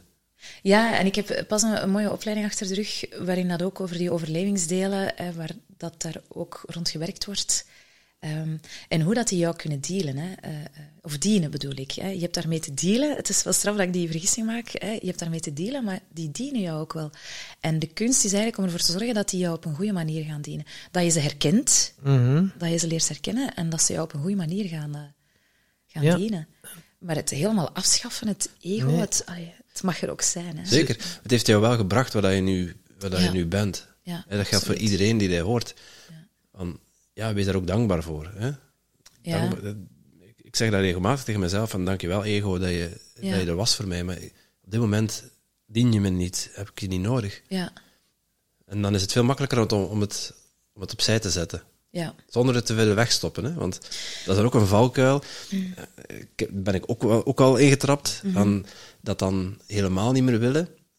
Ja, maar dat, dan word je een beetje empathisch. Dat is ook niet de bedoeling. ja. Ja, en dan, dan die identificatie met je titel, dat stuk ego dat erachter zit, waardering krijgen, gewoon omwille van de titel, ja, dat is uiteraard niet goed, want daarmee doe je niks. Je zet je, zet je stempel niet in de wereld. Hè. Daar gaat het voor mij over. Hè. Op welke manier kan ik, kan ik ervoor zorgen dat het een beetje beter wordt? Hè. Ik heb niet de ambitie eh, om de volgende Greta Thun in de organisatieontwikkeling te worden. Ehm, ik streef veel naar, naar mastery en, en excellency en, en hè, de lat ligt hoog bij mij. Maar mijn drijfveer is wel eh, toch wel eh, de wereld allee, een stuk beter maken, hè, de werkplek een stuk beter maken. Hè. We moeten lang werken. Hè. En de jonge generatie die op die werkvloer komt, die verbindt heel veel zingeving hè, aan, het, aan het bedrijf waar ze werken. Die hebben dat echt nodig, dat ze zich daar goed kunnen invoelen. Ehm, op een manier die past bij henzelf. Ja, ja en daar, daar is het ego, ego goed voor. Hè, maar het gebruiken als een zetel om in achteruit te gaan zitten en verder niks meer doen, ja, daarvoor dient het niet. Het is inderdaad wel ook belangrijk om te weten, het is zo'n boekje, ik en mijn andere ikken, Ja. wie zit er aan het sturen? Dus ja, we kunnen een beetje vergelijken met een bus. Hè. Ja. En sommige eh, stukken van jou, sommige rol, die zitten in de kofferbak en die laten nooit aan het stuur. En eh, ja, maar ze behoren allemaal tot jouw persoonlijkheid. Dus ze mogen ook wel allemaal een keer gezien worden. Want elke rol heeft ook een functie. En dan zeggen, oh nee, die vind ik niet leuk, die wel. Nee, want dan duw je een stuk van jezelf weg. En dat is dan ook wel, ja, het is heel makkelijk uitgelegd in woorden en zo, maar ja, sommige rollen of sommige ja, persoonlijkheden ja, zie je liever niet, omdat er schaamte op zit, of uh, ja, ook door wat dat je vroeger hebt meegemaakt, van wow, die wil ik niet, en die ga je dan onder de mat schuiven of zo, of, ja, of echt wel gewoon alsof, doen alsof dat hij niet bestaat. En als dat dan je innerlijk kindje is, ja, wat dat is iets wat ik nu sinds kort meer en meer bewust van begin te worden, dat innerlijk jongetje, dat heb ik zo jaren geen contact mee gehad. En nu komt dat, eh, dat ik denk, oh my god, hoe heb ik dat nu kunnen doen? Niemand zou dat doen met zijn, met zijn eigen zoon of zijn eigen dochter. En zo streng voor zijn en hem te laten wegkwinnen in een hoekje. Ja. Tot wanneer dat het besef van, oh, dat is gewoon bang. Dat heeft gewoon liefde nodig, dat innerlijk jongetje. Ja, en dat was voor mij wel, uh, boh. Ja. Maar je gaat hem ook niet achter het stuur zetten. ja. nee, dat zou ik niet doen. Nee. Ja, als op mijn schoot wel. Ja. ja. Hier, hier in het kleine kuchentje van de zon wel. Maar, uh, ja, en het zijn, het zijn twee dingen die ik daarin hoor. Hè. Het is één, al jouw ikke... Want ik, ik heb een boek... Ik ben, ik, ik, we lezen allemaal veel boeken. Hè. Uh, Bol.com heeft hem al geleverd, maar hij ligt nog in mijn kast te wachten tot ik hem lees. Dus ik heb hem ook, hè, uh, van de ikke. Ik heb de maskermaker, hè, heb ik ook besteld, daar heb ik wel al wat uh, in gelezen. En het is de kunst van jouw ikke te durven laten zien ook diegene waar je voor schaamt, hè, dat vraagt kwetsbaarheid. Dat is al moeilijk. Uh, dat is één. En dan uh, twee, je moet ze, voor mij, en, en dat is eigenlijk wat ik nu aan het leren ben, ik heb altijd een nood om ze te begrijpen. En is dat nodig om ze altijd te begrijpen waarom dat ze er zijn? Ik heb, dat is dus terug mijn rationeel stuk. Hmm, kan het zeggen, ja. Dat schiet je toch in de ratio. Ja, ja, ja. ja, en ik heb dat heel lang gehad ook. Uh, van, ik kon pas iets verwerken als ik het rationeel hmm. begrepen had. Ja. Maar hè, mijn zus zei dan, ik heb dat niet, zei die. Hè. Pff, ik kan dat gewoon loslaten, sommige dingen. Uh, waar ik dan ook weer een les aan had. Hè, om, omdat je hebt het ook vaak gewoon te doorvoelen. En het op die manier te verteren, zonder dat je het rationeel ja. hoeft begrijpen. En, ja, en dat vastpakken en in een kader wil steken ja, en er een vorm aan geven. En... Ja. En, en dat is zo een vraagstuk waar ik nu in zit. Uh, van dat leren loslaten. Ik heb minder moeite met mijn ikke te laten zien. Als, als er een opspringt en ik ontdek hem, denk ik, oh jee, weer iets om aan te werken. Hè? Weer iets om te doen. Hè? In Ja. actie gaan. Um, maar dan ja, moeten ze allemaal begrepen worden. Ik denk, als ze zich gezien voelen, ja, dat is misschien genoeg. Ja. Ja. Ja, ja, maar het willen snappen inderdaad, om het dan te kunnen plaatsen en weer, ja, in een, uh, dan maakte weer, creëerde weer een nieuw hokje. Hè? Ja. Ah, ik snap het, oké, okay, ja, gezien, tak, oké, okay. Je mocht weer op je plaats. Want waarom, waarom lees ik zoveel, waarom lezen we zoveel? Dat is ook om het te begrijpen, hè? Ja, ja, ja. ja, ja. Onder andere, hè? Om, om bij te leren. Want Albert Sonneveld zei dat mooi, want dat kwam ook in, dan in, de, in de podcast, dan ze zei van, ja, boeken lezen, hè, persoonlijke ontwikkelingsjunkies, constant opleiden in boeken lezen. En zegt hij, ja, eigenlijk zeg je dan tegen je onderbewuste van, ik ben nog niet goed genoeg. Ja, ja. Dat je elke keer weer wilt, Ja. die kwam wel binnen. En ja, dat is echt wel een nuance. Le lees je iets voor te ontspannen, of, of is het echt wel zo van, als ik dat nu weet, oh, maar dan, dan ben ik de beste versie van mezelf. Maar Ja. dan blijf je bezig. Ja, en het is, dat is zo, zo dynamiek van mezelf ook, zo herkenbaar. En voor mij, lezen is echt een overlevingsmechanisme geweest van kind af aan. Ik heb er op vakantie nog over gehad en, en daarvoor ook nog. Voor mij was dat ontsnappen. Dat was echt helende fantasieën. Hè. Een lastige jeugd, helende fantasieën. Lezen, ik had dan echt boeken. Ik was kind aan huis. Hè. Leentje, zeiden ze al als ik naar de bibliotheek ging. Ja, komt er weer een boek, Leentje? Ja, ja, ja. Hè, eh, toen leende ik ze nog. Nu, nu, nu koop ik ze. Tot de grote geleid van mijn echtgenoot, die liever zou dat ik terug zou lenen. Hè. Ehm, ja, en dan, dan ging ik... Ik verstopte mijzelf. Ik verstopte mijzelf, zodat ze mij zo lang mogelijk niet vonden en ik dan kon lezen. Hè. En ik heb van echt boeken verslonden. Ik, ik heb echt alles van Thea Beckman. Hij had dan een mooie trilogie over een uh, fantasiewereld. Ik denk dat dat een soort van Groenland was hè, in de Nordics, waar de vrouwen aan de macht waren. Dus ik vond dat fantastisch hè, als uh, jong meisje. En ik ben dat altijd blijven doen en ik heb dat nooit meer gedaan dan de afgelopen jaren. Hè. Want ik heb nu deze vakantie had ik voor het eerst een fictieboek mee, denk ik sinds vier of vijf jaar. Dus ik heb uh, een hele tijd non-fictie gelezen. Ja. En, um, en dan de mensen rondom mij zeggen ook, omdat ik heb altijd het idee van, nu, hoe meer dat je weet, hoe meer dat je weet dat je niet veel weet. Hè? Mhm. Dat is al, al één ding. Ehm, dus ik zie ook, dat is mijn grote innerlijke criticus, ik zie ook heel veel wat ik niet kan, wat ik niet weet. Hè? En dat is eigenlijk een overlevingsdeel wat wat meer rust aan mogen krijgen bij mij. Want ik denk, oh, ik kan dat nog niet, ik weet dat nog niet, ik moet dat lezen en dan ga ik dat kunnen.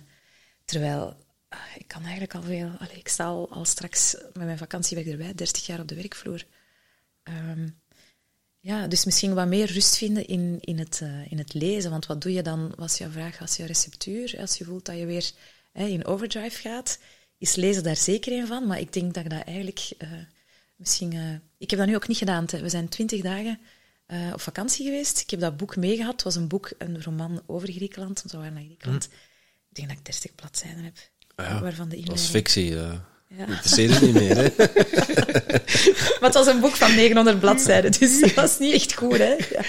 Nee. Maar, ja, maar het is onge- ongelooflijk hè, hoe dat je zelf dat kunt beginnen, ja. wijsmaakt. Hoe dat je dus zelf dingen kunt wijsmaken. Hè. Ja. Zo van op zoek bent naar... Ja, waar ben je naar op zoek? Hè? Nog weer ietsje beter of dan een soort gemoedsrust kunnen vinden van, ah, in die een boek, het is voor iedereen anders, maar dat is dan toch iets dat je drijft of iets dat nog onvolledig is dat je denkt, of een leegte dat je wilt opvullen, en dat je denkt, met die een boek... Ja. Of gewoon omdat je het interessant vindt. Ja, Ja. dat kan ook gewoon, hè? Ja, of ook bevestiging van uw ideeën en uw gedachten. Hè? Alles wat je streept, wat ik streep, denk ik, ah, klopt, dat denk ik ook. Ja. Ja, ja, ja. ja, de- Voor mij is, hè, want je hebt zo de, de Gallup Strengths Finder, ik vind dat een hele leuke tool, ik raad die vaak aan Wat in dat? bedrijven. De Strengths Finder, de talenten, je hebt die van Luc de Wulf, heb je die vragenlijst, maar je hebt die ook van Gallup. Sterktevinder. Ja, Strength ja, ja, Finder. ja, maar En je kunt dat heel, dat kost 60 of 65 euro. eh, online kan je dat gewoon, je betaalt dat online en je vult dan een hele vragenlijst in. En Gallup is een onderzoeksbureau dat bijvoorbeeld ook elk jaar ehm, eh, rapporten uitbrengt met de percentages over de geëngageerde werknemers. Hè, wat je zegt, 70% van de mensen eh, gaat met tegenwoesting naar het werk. Het is zelfs erger als je kijkt naar ehm, hoeveel van de werknemers voelen zich geëngageerd. Dat is nog een stap verder hè, dan eh, met goesting naar je werk gaan. Hè. Dat is echt voor het bedrijf gaan. En voor België, eh, de cijfers van de laatste jaren, is 12 of 13 procent. Hè, wereldwijd is dat ongeveer ook zo, dus dat is, dat is niet hoog. Hè. En eh, die hebben op basis van al hun consultancy en hun onderzoeken, hebben die dus zo'n strengths finder, eh, de Clift, Clifton Strengths Finder, ik, ik weet niet exact de naam. Ehm, en dan krijg je je top talenten, krijg je dan, hè, want ik wil dat voor onze kinderen ook doen, want onze zoon is zo op zoek naar zijn talenten. En dan krijg je een top 5 van je talenten. Je krijgt eigenlijk al je talenten. Het is een top 20 en een top 5 wordt dan ruimer beschreven. Dan krijg je nog mailtjes. Het is superleuk om te lezen. En bij mij staat op eh één staat learner. Ja, dus de eeuwige leraar. Eh, dus daarom, daarom lees ik, hè. Ja. Is het voor mij, ja. En wat bij mij op, op twee dan staat, is eh, intellectual. En nu dat ik, dat ik mezelf, de intellectueel, daar gaat het niet over. Het gaat over ehm, leren nodig hebben als voeding. Voor mij, zo'n boek, dat is brain food. Hè. Ik kan daar gewoon... Ah, Ja, ja, ja, ja, maar ik herken Ja, het je gaat gevoel. erop aan, hè? Ja. Ja. ja.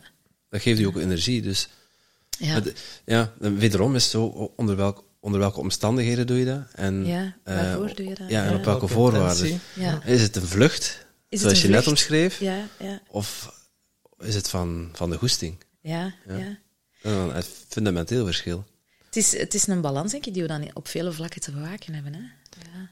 En je, ik hoorde je ook zeggen, zo, ja, dat lezen is eigenlijk ontstaan omdat je een lastige jeugd hebt gehad. Dus mocht Trouwen beginnen... een kleine T. Ja, Ja. dus eh, lastige jeugd. Dus ja, dan triggerde al iets in mij. Lastige jeugd.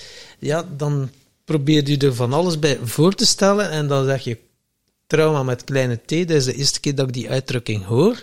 Dus ver- ja, vertel een keer trauma met kleine t. Wat moet ik mij daarbij voorstellen? Ja, dus je hebt trauma met een grote T en trauma met een kleine T. En dat is ook een terminologie die ik niet uitgevonden heb. Hè. Eh, Het is uit een, eh, een boek van eh, Philippe Bayeur, eh, die jullie ook zeker dringend is eh, jullie podcast moeten hebben. Hij heeft pas een boek uit met Annette Mulmeester, Navigate over leiderschap in complexe tijden. Hoe noemt die? Navigate. Eh, maar Philippe de, Manu- Balieu. Bayeur. Ja, en Annette Mulmeester.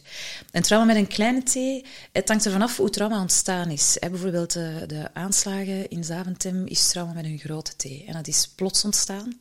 Hè, dat was ook extern. En trauma met een kleine t is iets wat ehm, slopend ontstaat. Hè. wat doorheen de tijd kan ontstaan. Wat niet zomaar toe te wijzen is aan één specifieke gebeurtenis. Hè. En een lastige jeugd, hoe is dat bij mij? Trauma met een kleine t. Ehm, het gezin waarin dat ik opgegroeid ben, en mijn vader had zelf zijn kwetsuren, zelf zijn trauma, wat, wat zeer zwaar trauma was met, de, met een kleine T, maar wel een zwaar trauma. Dat wil niet zeggen dat het een, een klein of belachelijk trauma is. Eh, vanuit zijn gezin waarin hij opgegroeid is, waar mijn grootmoeder een, een zwaar trauma had vanuit haar opvoeding. Eh, en zo gaat dat generatie per generatie eh, terug. En de kunst is dan, wat mooi is aan onze generatie, is dat wij zoveel aangereikt krijgen om dat trauma te gaan helen. Wat dat voor mijn jeugd betekend heeft, is dat mijn vader echt wel wat dingen heeft willen ombuigen. die heeft ons leren sporten, uh, die heeft ons de liefde voor, uh, ja, voor geschiedenis. heel veel keuzerichtingen die ik wou gaan studeren, die komen voort uit de dingen die ik van hem heb meegekregen, ook van mijn mama. Um, het sporten zeker. Mijn zus is dan een goede sportster geweest. Hè. Een van de mogelijke keuzerichtingen voor mij was sportkot, omdat ik zo graag sport. Geschiedenis, we zijn heel vaak naar Griekenland geweest, waar ik eh, een van mijn beste vriendinnen uh, heb leren kennen. Uh, toen we drie en vier waren, hebben we elkaar dan 25 jaar niet meer gezien, maar dan elkaar terug tegenkomen. Um, de liefde voor de geschiedenis daar en zo verder. dus op die plekken waren wij ook gelukkig als gezin. Dan was dat trauma wat minder lastig. Maar dat niet kunnen verwerken van zijn eigen trauma's heeft ervoor gezorgd dat wij constant in een fight-flight-modus zelf hebben geleefd, mijn zus en ik. Um, van wat wil hij vandaag, wat wil hij morgen. Uh, dat was heel, heel onvoorspelbaar, dus dat was geen fysiek misbruik. Maar dat was zo leven naar de verwachting van, van was, je vader. Ja, ja, dus dat was emotioneel was dat allemaal zeer, uh, zeer lastig. Ik wil daar geen etiketten op plakken, um, omdat ik dat onrespectvol vind ook, hè, um, naar mijn beide ouders toe, uh, naar mijn vader.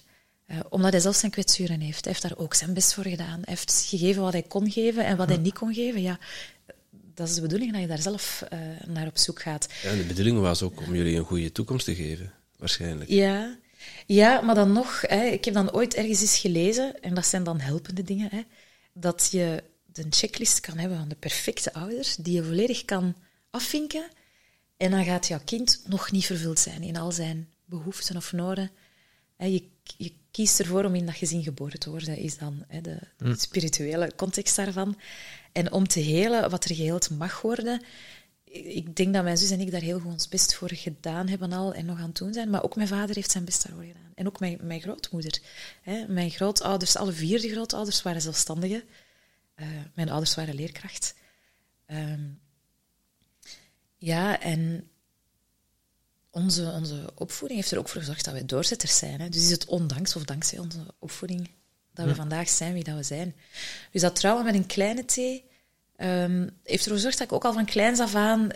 Hè, want NLP is voor een stukje zelf herprogrammeren. Mm. Ik weet dat ik daar heel bewust mee bezig was als elfjarige. En mijn vader had van die... Die had zijn eigen realiteit en zijn eigen wereldje. Um, en dat was de waarheid. En bijvoorbeeld een van de uitspraken was, als u een achternaam van Bredam is dan, dan kun je dat al niet goed doen, dan hebben de mensen nu al niet graag. Uh, nu dat dat zo'n geweldige bekende achternaam was, maar dat was gewoon zo, zo een idee dat hij had, een idee fix die dat hij had. En ik weet als elfjarige dat ik dacht van, dat klopt volgens mij niet. Ik ga er gewoon van uitgaan dat dat niet zo is. Dus ik was eigenlijk mezelf al aan het rewiren om, om aan de slag te gaan met belemmerende overtuigingen. Dus ik heb dat altijd al wel gedaan. Um, ja, dus ik ben daar... Je werkt daarop. Hè. In systemisch coachen werk je daarop. Hè. Um, want als je mij die vraag had gesteld tien of twintig jaar geleden, had ik daar ongetwijfeld een ander antwoord op gegeven. Met heel veel woede nog en verdriet en pijn vanuit dat trauma. Um, je begint dan met dat rationeel te verwerken in therapie. Want dat is heel cognitief, rationeel. Uh, waarbij dat je eigenlijk jezelf constant aan het ook weer herwiren bent, maar op de negatieve manier. Hè. Uh, mm -hmm. Door daarover te blijven praten. Ja. En dan voel je dat dat niet pad is en dan ga je daar op andere manieren. En dat is dan bij mij via coachings geweest, op verschillende manieren. En systemisch coachen leert jou om alles in te sluiten. Je hebt dankbaar te zijn voor je ouders, want die hebben nu in de eerste plaats het leven gegeven. Je bent er dankzij hen. Um, en je werkt dan heel hard op het herstellen van de verbinding met mijn vader dan, zonder dat je er in contact bent. Want ik heb nu al heel lang geen contact meer met mijn vader hoe kan je dan zorgen, en dat is ook een vraagstuk waar ik vandaag mee zit, um, waar ik eerst dacht een vraag over te stellen hè, uh, aan het einde van de podcast moet je dan... Hè, Als jullie dan vragen, eh, stel eens een vraag voor de volgende gast, dacht ik, ga die richting uit. Hoe zorg je ervoor dat je verbinding hebt met iemand waar, waar het lastig mee is om verbinding te hebben? Dus dat is zo het vraagstuk waar ik nu mee zit. En dat komt uiteraard vanuit mijn, uh, mijn jeugd. Hè. Verbinding hebben met mijn vader is zeer moeilijk. Dat kan niet op een manier waar dat ik warm van word of blij van word of, of de liefde voel. De liefde voel stromen. Dus dat, is, uh, dat is voor mij zo'n vraagstuk waar ik nu mee zit. En begint dan ook wel waarschijnlijk ja, het stukje vergeven. Dat is Ah ja, dan absoluut. wel, ja, dat kwam bij Willem Glaudemans om hem nog een keer eh, te benoemen, ja, dat dat toch bij alles is. Zolang dat je nog niet hebt vergeven vanuit het hart, ja, dan blijft je maar eh, tegen dingen aanlopen en ja, dan kan het niet stromen. Nee, nee, dat is belangrijk. En dat is, vergeven is voor mij de emotie van dankbaarheid. Ik vind dat een van de eerste en krachtigste emoties die er is. Je kan niet dankbaar zijn naar iemand toe als je hem nog niet vergeven hebt. En dan een mooie oefening uit dat systemisch coachen, die opleiding is, ga op zoek naar sterke verhalen van je ouders. Oh, dat was heel moeilijk in het begin, sterke verhalen. Ja, oh nee. Wat doe je met sterke verhalen? Ja, krachtige verhalen van, van uw vader, uw moeder. Dingen die zij gedaan hebben, die krachtig zijn, die sterk zijn. Ehm, ik heb dan... Mijn vader had een zus die tien jaar ouder was. Hij was niet gewenst. Hij was een ongewenst kind. eh, dus daar begon het al mee. Zijn beide ouders waren zelfstandigen. Dus dat is, eh, die heeft een, een zwaar hechtingstrauma. Maar degene die er wel was voor hem, dat was zijn zus. Die was tien jaar ouder. Eh, dus die heeft hem wel, eh, wel grootgetrokken, hè, zoals ze zeggen. Eh, en mijn nicht, want mijn tante leeft niet meer, mijn nicht is er nog wel, die ook heel erg bezig is met die persoonlijke ontwikkeling. Hij is ook psychotherapeut, heeft haar eigen eh, praktijk daarin, met veel mensen waarin op verschillende vlakken wordt samengewerkt. En ik moest dan een aantal oefeningen voorbereiden voor dat systemisch coach. Dan moet je onder andere uw, uw stamboom maken. Uw genografie noemt dat, met uw patronen en uw dynamieken daarin. En ik dacht, ik ga mijn nicht bellen, want die is ook tien jaar ouder dan mij. Eh, die weet veel meer van vroeger. En eh, ik heb dan gezegd, ja, ik heb een paar sterke verhalen nodig van, van mijn ouder. En die zei, ja, zegt ze, oh, mijn onkel, was mijn held. En, en zo, zo komen die dan wel binnen. Hè. En dan, wat zij dan zegt, hij heeft dat sporten. Hij mocht vroeger hij mo- hij mocht niet gaan sporten, hij mocht niet gaan verder studeren aan de UNIF. Dat hebben wij wel mogen doen. Hè. Dus dat, dat vind je dan sterke verhalen. Hè. Hij heeft... eh, hij heeft ook. Hij heeft ervoor gezorgd dat wij dat kunnen doen. Oké, daar zitten dan ook wel weer negatieve verhalen die ik daar zou kunnen over vertellen. Hè. Maar eh, ja, dus dat, is, eh, dat zijn toch sterke, sterke verhalen waar je naar op zoek gaat. Hè. Ja. Ja. Oh, en een sterke verhaal. Ik hoorde, ja, je, je zus, die is dan Olympisch atlete geweest in het volleybal, vermoed Ja, ik dan. ja, beachvolleybal. En was dat, oh, en was dat dan zoiets, kijk je daar dan naar op en denk je dan, oh, ik zou ook graag in haar plaats of, of zo? Of is dat de... Nee, nu, mijn zus is eh, drie jaar jonger, maar is groter dan mij. Hè, is, ben een meter 70, zij is een meter 78. Ik denk de enige moment dat ik het lastig heb gehad eh, met dat mijn zus het beter deed, is op het moment dat zij fysiek mij boven het hoofd begon te groeien, wilde dan streepjes bij op de deurlijst, hè, zoals we dat nu met ons kinderen ook doen. En eh, die naderde mij, die naderde mij.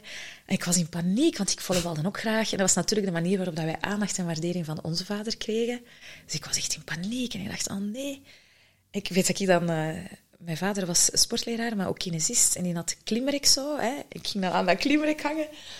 Geen uren aan een stuk, want zo lang kon ik het niet volhouden. In de hoop dat ik, dat ik uitgerokken werd en groter werd. Wat niet gebeurde, uiteraard. Eh, nee, dat is een enige moment. Maar voor de rest, dat is ook iets wat ik niet heb. Dat is een- een gen of een zonde die ik niet beleef. Jaloezie, ik heb dat niet. Ik kan alleen maar blij zijn voor de andere persoon en in bewondering. En auw, en wauw, wat kan die... Ik, ik hou enorm van mensen die meesterschap hebben. Dus... eh, Nee, voor mijn zus, ik heb daar enorm veel bewondering voor dat ze dat gerealiseerd heeft, want dat is mij ontzettend veel tegenkant ingegaan, want dat was niet evident. Eh, zij is ook niet de, de klassieke grote volleybalspeelster van een meter 90, maar wel ook een doorzetter. Dus eh, wat ze inkort eh, of tekort heeft aan lengte, heeft ze zeker aan skills en, en motivatie en, en doorzettingsvermogen. Dat hebben we wel nodig bij beachvolleybal. En dan Ja. beachvolleybal. En dan beachvolleybal in België. In België vind ik dat ook wel En om eh, daar straf, te geraken ja. in 2008, en dat was zeer spannend, omdat, weet je, de voetbal, je ziet dat overal, je kunt dat online volgen tegenwoordig, maar voor ons, om dat circuit te volgen als supporter, dat was al lastig. Eh, je kon niet zomaar meegaan om dat te volgen. Laat staan dat die bekendheid hadden in, in België, hè, dat die gemakkelijk sponsors vonden, eh, dat die ehm, vanuit een volleybalbond heel veel medewerking hadden. Dat was allemaal niet. Hè? Dus die zijn met heel veel tegenkanting zijn die er toch geraakt. Die zijn, ehm, want die hebben dat mooi opgebouwd. Hè? Dat was samen met hè, dus, eh Lisbeth Moeha eh, vanuit Limburg en Lisbeth van Breenham, de twee liesjes, zo noemden wij. Ehm, hebben die de jaren daarvoor hard aan de weg getimmerd. Die zijn een tijd dertiendes van de wereld geweest. En de eh, kwalificatiecriteria van BOIC waren strenger dan die van het, van IOC. Uh, dus die zijn heel lang niet mogen gaan. En die wisten dan, een dag voor de uiterste termijn, hadden ze toch toelating gekregen om te gaan. Dus die wisten pas heel laat dat ze, dat ze mochten gaan. Ja, en dan hebben we dat... Want dat was in Beijing toen, waar wij helaas... Ik ben niet mee kunnen gaan, want ik was toen zwanger van onze Jules. Ik ben toen bevallen in de week dat zij haar toernooi had. Oh. Dat was ongelooflijk spannend, ook om die reden. Dus, eh, dus ik heb die eerste week niet veel slaap gehad. Dat was niet alleen uh, omwille van, uh, van het babytje, van ons Jules. Uh, maar ook omdat zij s'nachts hun toernooien hadden, want ik keek s'nachts naar die toernooien. En ze hebben op, als ik het me goed herinner, het was setpunt of het was zelfs matchpunt gestaan van de Amerikanen, uh, die eigenlijk goud, goud hebben gewonnen. Oh, wow. Ja, ja. Dus dat was, en zijn dan uiteindelijk achtste of negendes geworden. Dus ze hebben het wel goed straf, gedaan. hè? Ja. Ja, Ja. ja. Ja, dus ze heeft dat heel goed gedaan. Ja. Wauw. En eh, Ja. oh, jij Ja, je, je- je had het net over de vraag die je wilde stellen aan de volgende gast. Eh, maar ik ben eigenlijk wel benieuwd naar jouw antwoord daarop. Van hoe, Ja, dus, hè, want ik, een ik, klein heb- stapje terug. Ja. ik had al wat podcasts beluisterd van jullie, hè, voordat ik eh, naar hier kwam, sowieso. Eh, omdat ik heel graag podcasts beluister. En Nu, even, eh, nu even benieuwd, wat vind je Ja. tot hiertoe onze leukste of eh, meest interessante podcast? Wie heeft u het meest... Ja, dat vind ik moeilijk, omdat ik ben eens gaan kijken. Hè. Hm. Ik dacht, ik ga nog eens kijken welke dat ik al geluisterd heb. Ik, het is mij opgevallen dat ik die vooral met de Nederlanders beluisterd heb. Daar moet ik eens over nadenken waarom dat, dat is. Ja, hè. Eh, nu, ik heb al heel veel podcasts geluisterd, dus ik vermoed dat ik die andere mensen ook ergens anders dan wel gehoord heb, of er al een boek van gelezen had. En dat degene eh, naar wie ik geluisterd heb, die kende ik nog niet. En het was dan over topics eh, die mij aan aanspraken, dus een stukje over voeding, eh, eh, Richard Telet eh, en zo verder. Eh, dus die Nederlandse mannen die over voeding zijn komen spreken, die heb ik gehoord. Roy Martina heb ik nu pas beluisterd, maar dat vond ik zo heerlijk. Ik heb hem ook nog niet uitbeluisterd, want hij is ook heel lang. Hoe zo iemand positief in het leven kan staan, eh, wordt er Ongekend, gewoon... ja. Allee, het is gewoon Wordt er zelf vat- vrolijk van. Hè? Ja, ja. eh, een vat van, als je een diepje hebt, allee, komt in mijn receptuur van, eh, ik, ik vind ook, ik hou bepaalde filmpjes bij waarvan ik weet, daar moet ik mee lachen als ik ze zie. Hè. Als ik zo even eh, een klein diepje heb, dan kijk je daarnaar. Dus die vond ik zeer goed. Milan Somers vond ik ook eh, Ja. zeer goed, ja. Dus ja, het is moeilijk om, om er een en uit te kiezen. Ehm, ik heb Thijs Lindhout veel geluisterd. Dat vond ik leuk, omdat die connectie gemaakt werd. En dat do- doen jullie ook met dat spirituele. En niet dat zweverige spirituele, want dat is ook zo verboden woord geworden. Maar, maar dat mooie van wat wil je in het leven neerzetten? Wat is jouw missie? Wat is de zingeving? Dat is voor mij spiritualiteit. En de vraag die ik dan eerst in mijn hoofd had, ehm, valt dan terug op het thema waar ik nu mee zit. Ik voel dat ook in mijn vriendengroep en, en met contacten. Hoe maak je verbinding met mensen waarmee dat verbinding niet direct goed zit of niet goed zit? Omdat ik iemand ben waarvan ik altijd dacht, ik ga gemakkelijk in verbinding. En wat is goede verbinding? Dat is al, al één vraag. Hè. Voor mij is dat... Vier streepjes. Vier streepjes op een telefoon, toch? Hè? Ja, ja, ja, ja, connectie. Ja, ja, connectie met de World Wide Web is dat. Dat is bij u ja, geen ja, garantie. Belangrijk, we kunnen al bijna niet meer zonder. Hè? Ja, ja, we kunnen al bijna niet meer zonder. Hè? Maar eh, net zoals echte connectie gaat voor mij van hart tot hart, niet van hoofd Klopt. tot hoofd. Hè? Dat is alleen. Ehm, een goede verbinding, hè? dat is een goede klik hebben met iemand met wie dat het direct stroomt en je zit direct op dezelfde golflengte.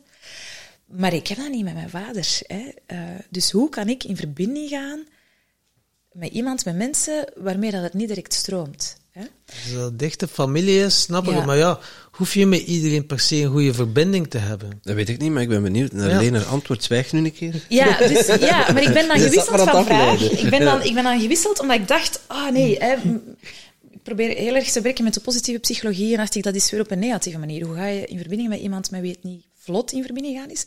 En ik dacht, ik ga, ik ga ze anders formuleren. En dan, ehm, ik heb pas een opleiding gedaan, het ging over trauma in organisaties en hoe kunnen we dat helen. En een mooie interventie ehm, om trauma in organisaties te helen zijn rituelen. Nu, Waar dienen rituelen ook voor? Want ik gebruik het sowieso in mijn werk als organisatieontwikkelaar. eh, zet ik het in om meer verbinding te creëren in teams. Hè? En mijn vraag dan is, wat is voor jou een mooi ritueel, of wat zijn voor jou mooie manieren om in jouw bedrijf de verbinding eigenlijk te versterken? De meesten gaan dan zeggen teambuildings, maar dat is maar op de, de oppervlaktelaag. Hè. Maar hoe ga, je, hoe ga je dieper in die onderlaag verbinding creëren? Welke rituelen heb jij daarvoor in jouw bedrijf? Ja, dus dat is eigenlijk mijn vraag. Dat, is, dat was een lange uitleg, hè? Ja, Ja, ja. je mag het zelf antwoorden. Ik mag zelf antwoorden. Ja. Oké. We zijn nog niet op het einde van de podcast, maar eh dat ja, doet er niet toe. even Ja. een tussendoortje. Ja. het punt is dat één, ik vandaag nog eh, s- solopreneur ben, tot mijn grote eh zeer, want eh, ik wil echt terug graag samenwerken met iemand en het werk dat ik doe is echt wel ehm, samen te doen met iemand anders. Ik werk wel met freelancers. Ik heb eh, een hele goede raad van advies. Ik heb een goede mentor die eh, mentort voor het werken aan mijn bedrijf. Hè. Maar het werk doen, het samenwerken, daar heb ik eh, vandaag niemand in. Dus rituelen die ik vandaag in mijn bedrijf zelf heb, hè, ehm, heb ik nog niet. eh, heb ik te ontwikkelen. Er zijn kantoren waar ik kom waar ze, waar ze leuke rituelen hebben. Vettige Vrijdag vind ik een fantastische. Kijken ze elke week uit naar vrijdag. eh, want dan gaan ze, ze daar een vettige hap bestellen. Oké, Eh, ja, tegen en- vrijdag. Ja, en dat creëert verbinding, want je bent daarover bezig. Hè, je bent daarover bezig. Of, of bij de accountants, dat vond ik ook een hele leuke, hè, BTW kwartaalafsluitingsfeestje. Dus bij elke kwartaalafsluiting hè, eh, van de BTW doen die iets samen. Ja, en dan, dan werk je daar naartoe, je creëert verbinding, want je moet dat ook organiseren. Wat gaan we weer doen eh, Ja. dit kwartaal? Dus dat vond ik ook eh, een hele mooie. Maar voor mezelf, in mijn eigen bedrijf, is 21% fun. 21% fun. Ja. Ja, Die ze dan weer kunnen inbrengen. Die ze dan weer kunnen aftrekken van hun eigen btw-uitgaven. Dus Heerlijk, voilà. Ja. Dus dat is wel een goeie. Ja, Soms 6%. Ja. Ja. ja, nee. En ik ben... eh, dus voor mezelf heb ik die nog te creëren. Want dat, dat was dan de bewustwording die ik dan had van... Oh jee, Leen, je moet er zelf ook wel iets mee gaan doen. Maar ik ben eigenlijk wel benieuwd wat dat jullie hebben van rituelen. In jullie onderneming en samenwerking. Ja, bij ons is het... eh, onze samenwerking, ja, bij ons is, is de podcast gewoon ons ritueel eigenlijk. Om het leuk te houden. Zonder de podcast eh, zouden we niet kunnen doen wat we de wereld willen zetten. Ja, dat is, we hebben het soms al herhaald. Vanaf dat op die knop wordt geduwd en dat wordt rood, dan komen we in een staat, ja, mensen noemen dat wel de flow staat. Dan ontstaat er magie, wat dat wij vanzelfsprekend vinden, maar dan kom ik precies in een andere dimensie. Ik wil het hier ook niet zweverig maken, maar dat is effectief zo. Dan ben ik in het moment, dan voel ik mij gewoon ja, krachtig. En dat is zo'n gevoel dat heel moeilijk te beschrijven is, maar een zalig gevoel. En dat is zoiets, elke keer, elke aflevering, zo poek, en dan beginnen we in dat gesprek. En ja, je wordt geïnspireerd, je leert dingen bij, vragen waar dat je zelf mee zit, kun je vragen. Soms komen er antwoorden waar dat je dan, oh wauw, dat een antwoord op je vraag, waar dat al een tijdje mee zit. Er zit zoveel in voor ons. Eh, Dat is onszelf en anderen inspireren. En dichter bij onszelf komen, ja, dat is ja, heel wezenlijk voor ons. En, Maar en, en, en op teamniveau, ik denk dat dat gewoon op regelmatig, we werken allemaal overal aan, eh, aan, ja, aan het gezamenlijke doel. Maar ik denk dat dat gewoon op gezette momenten eh, samenkomen is. En dan niet om per se om te werken, maar gewoon om, om samen iets te doen. Om een activiteit te doen. Of om, eh, ja, onlangs zijn we eh, uitgenodigd Jugend om naar het strand te gaan. En we dachten, ja, we nemen ons team mee. Gewoon daar dan met z'n allen zijn, dat, dat, vind ik, dat vind ik goede rituelen. ja, En we doen dat regelmatig een keer met ons team. Gewoon om, ook om ze te bedanken voor hun inzet. Ja. Eh, ja, ik vind dat belangrijk. Dus dat bedanken. Hè? Is Kudo's, ja. Ja, Ja, ja? Heel belangrijk, ja, die verbinding toch, hè, dat samen zijn, al is we samen een keer gaan wandelen of iets anders, een activiteit doen, hè, zoals je in bedrijven ook regelmatig hoort dat. Maar dan vooral die hartsconnectie, hè, alles mag er ook zijn. Hè. Ja. Als je ziet dat iemand moeilijk heeft, mag je dat delen, krijgt je de ruimte voor. En dat vind ik wel heel belangrijk, om dat eh, ja, er ook in mee te nemen. En nu staan we helemaal aan het begin, hè. we zijn ook echt start-up, hè, VZ2. We hebben zo'n mooi team rondom ons. Denk ja, twintig kernteamleden die nu ook echt enorm enga- engagement tonen voor ons festival. En nu hebben we ook geleerd van, wow, er is zoveel kwaliteit, maar de mensen inzetten, de juiste mensen, hey, de, de juiste mensen hebben we al, maar we op de juiste plaats zetten. En dat is voor ons, nu doen we soms dingen dat ons energie kost. Ja. En hoe leuk is het, omdat in ons team alles voorhanden is, om net die mensen te zetten op een positie waar dat iedereen energie van krijgt. Dus dat is zoiets, ja, dat nu voor de volgende maanden, hè, als we toewerken naar onze 2024, ons festival, en de- ook nog de nevenactiviteiten, dat vooral.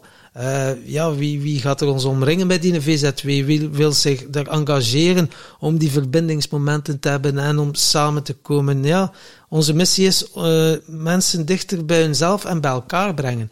En dat is nu zich op allerlei facetten begint dat eh, toch wel ja, gevoeld, dat wordt gedragen van hier bovenaf. Dan denk je, wauw, wij zijn de pioniers, maar we kunnen het ook niet alleen. Dus dat Nee. zo een beetje. Dus daar word ik wel blij van. Terwijl dat ik het aan het vertellen ben, word ik blij. Ja, ja. Ja, Ja, je kan het niet alleen. Hè? Nee. Ehm, en ik hoor, je vertelt verschillende dingen. Hè? Dus dat, dat samen dingen creëren en, en jullie missie in de wereld zetten. En de uitdaging die jullie nu hebben, is dan denk ik voor een stuk uit jullie comfortzone gaan om die dans te doen tussen die bovenstroom en die onderstroom. Hè? Jullie zijn mensen die goed kunnen voelen wanneer de energie stroomt, maar je hebt wel een aantal dingen te realiseren. Ja. Ja, een aantal dingen die, je moet doen vanuit dat rationele. Hè, eh, structuur, moet ook gedaan opzetten. worden, En dat Ja. moet gedaan worden. En niet altijd op het moment dat dat, dat voor u goed voelt. En, en dat vind ik een uitdaging in heel het ondernemerschap ook. Hè. Je kan niet altijd alleen maar... En wij hebben het voordeel dat we met twee zijn. Hè? Ja, ja, Eh, als, als we dan onszelf in hokjes moeten plaatsen, is Tom is meer eh, de, de gevoelsmens en ik ben meer rationeel. ja. Maar ja, we zijn ook alle twee, we zijn ook alle twee het omgekeerde. Hm. En ik merk wel als er dingen ontstaan vanuit, vanuit, het, vanuit de gevoelskant, dan, dan stroomt het veel meer. Dus onze, we hebben ook een heel atypische organisatie wat dat betreft. Want bij ons moet alles vanuit die onderstroom ontstaan. ja. Anders werkt het niet. Als het cognitief bedacht is, we hebben het al geprobeerd. Als Nee. het cognitief bedacht is en we gaan een, een, st- een stramien of een plan voor, volgen, vergeet het. Eh, halverwege zijn we het al beu, of het is mislukt, of we worden op alle mogelijke manieren gesaboteerd. Kunt u zo gek niet bedenken. Ja. Maar dat werkt niet. Nee, En ik ben er echt van overtuigd dat dat voor geen enkel bedrijf werkt. nee. Van wat voor manier mag, ja, als, er, als het echt vanuit de onderstroom mag ontstaan en wat, wat er dan naar boven komt, ja, dat is wat jij zegt, van, dan, wat er dan zich aandient, moet wel gedaan worden. Ja, je begint met je, met je missie, hè? Purpose. Hè? Wat jij zo mooi kan, wat je juist zo mooi benoemd hebt, hè? wat je in de wereld wilt zetten. En dat iedereen daar mee de schouders on- onder zet. En hoe houden jullie elkaar dan in balans? Want jullie zijn complementair, hè? dat is wat je zegt. Ik ben dan wel eens benieuwd om te horen. We zijn het gisteren nog, eh we hadden Christine Najaard van Human Design, eh, eh, en die legde in onze Human Design op elkaar en alles is gedefinieerd. Dus we zijn zo complementair, Je geeft 100 procent. 100%. En ja, dat is ook. Ik Kan me, ik heb nog nooit zo'n goede vriend gehad als Timothy. We kennen elkaar nu vijf jaar of bijna zes jaar. Ja, nooit meegemaakt in mijn leven. En ook heel dankbaar. Ja, Peter van zijn, van zijn kindje, van terroristje af en toe. Met En- anderhalf, hè? Het is hè. eh, ook een rebel, ook een rebel. maar eh, ja, heel dankbaar. En dat is mooi, we staan nu echt aan het begin om iets groots te verwezenlijken. En af en toe hebben ze, wow, hoe zijn wij? Dat is niet de antwoord op haar vraag natuurlijk. De vraag was, hoe houden wij elkaar in balans? Mhm. Ik vind dat wel een interessante vraag. En Hoe Dat is, wij- dat is- dat is een vraag die, die iedereen aan zichzelf kan stellen als je met teams samenwerkt. Hoe houden wij elkaar Maar in balans? Ik, ik denk dat eh, bij ons, eh, ik zorg ervoor dat Tom in de do-modus komt en minder in dat gevoel blijft hangen. En Tom doet andersom bij mij, die zorgt ervoor dat ik in mijn gevoel, gevoel kan zakken en minder in de do-modus geschiet. Ik denk, als, als, we, als ik het zou moeten omschrijven hoe wij elkaar in balans houden, is het dat. Ja, dat is mooi. Ja, dat is heel mooi eh, omschreven. Ja, we konden niet direct een pasklaar antwoord op... eh, En dan begint hij te praten en dan zegt hij van alles. Maar. Nee, maar extra klopt. Maar ik merk er inderdaad wel, ik kan ervan genieten om even gewoon te zitten, alhoewel dat ik vroeger altijd afleiding nodig had om dingen niet te willen voelen. En nu besef ik, wauw, ik voel juist heel veel. Ik kan heel veel gedaan krijgen op heel korte tijd. Bijvoorbeeld We hadden het er gisteren nog even over. Onze line-up van onze sprekers. Hè, er waren er, er komen nu 23 sprekers. Ik had dat geregeld op. eh, ik heb twee uur berichtjes ingesproken naar elk apart. En op een dag en half had ik 21 ja's. En dat is mijn kracht. Maar als ik te lang in iets blijf hangen, oh, dan loop ik op leeg. En het administratief en zo ook niet. Maar als ik contacten mag leggen, mag bellen, spraakberichtjes, dan goed. Maar mailtjes en dingen, ah, dan komt er een aversie. En ik denk dat we, hoe houden we elkaar in balans, dat we meer en meer beginnen te weten wat zijn iemand zijn kwaliteiten en zijn sterktes. En daar ook gaan op inspelen van, wauw. En, maar iemand kan heel veel sterktes hebben. En Timothy, die kan eigenlijk alles. Maar Zegt hij hij krijgt, altijd, niet, hij krijgt niet van alles energie. En dat is voor hem wel een belangrijke. Maar En als dat hij iets doet... een uitdaging tegelijk ook. Hè? Maar Ja, als hij ja. iets doet, geef hem iets. Ja, hij zal, dan heeft hij zoiets. Oh, ik weet het niet, maar ik zal het wel weten. Altijd al leren, wat ik jou ook hoorde vertellen. YouTube-filmpjes bekijken. Ah, zo en zo. Ik heb dat minder. Zo van, oh nee, ik voel dat niet.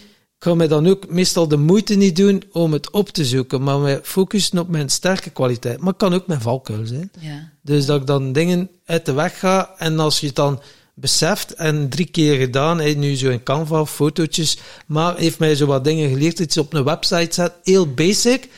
Maar nu dat ik dat regelmatig gedaan heb, vind ik dat nog vrij plezant ook, omdat ik weet hoe dat moet.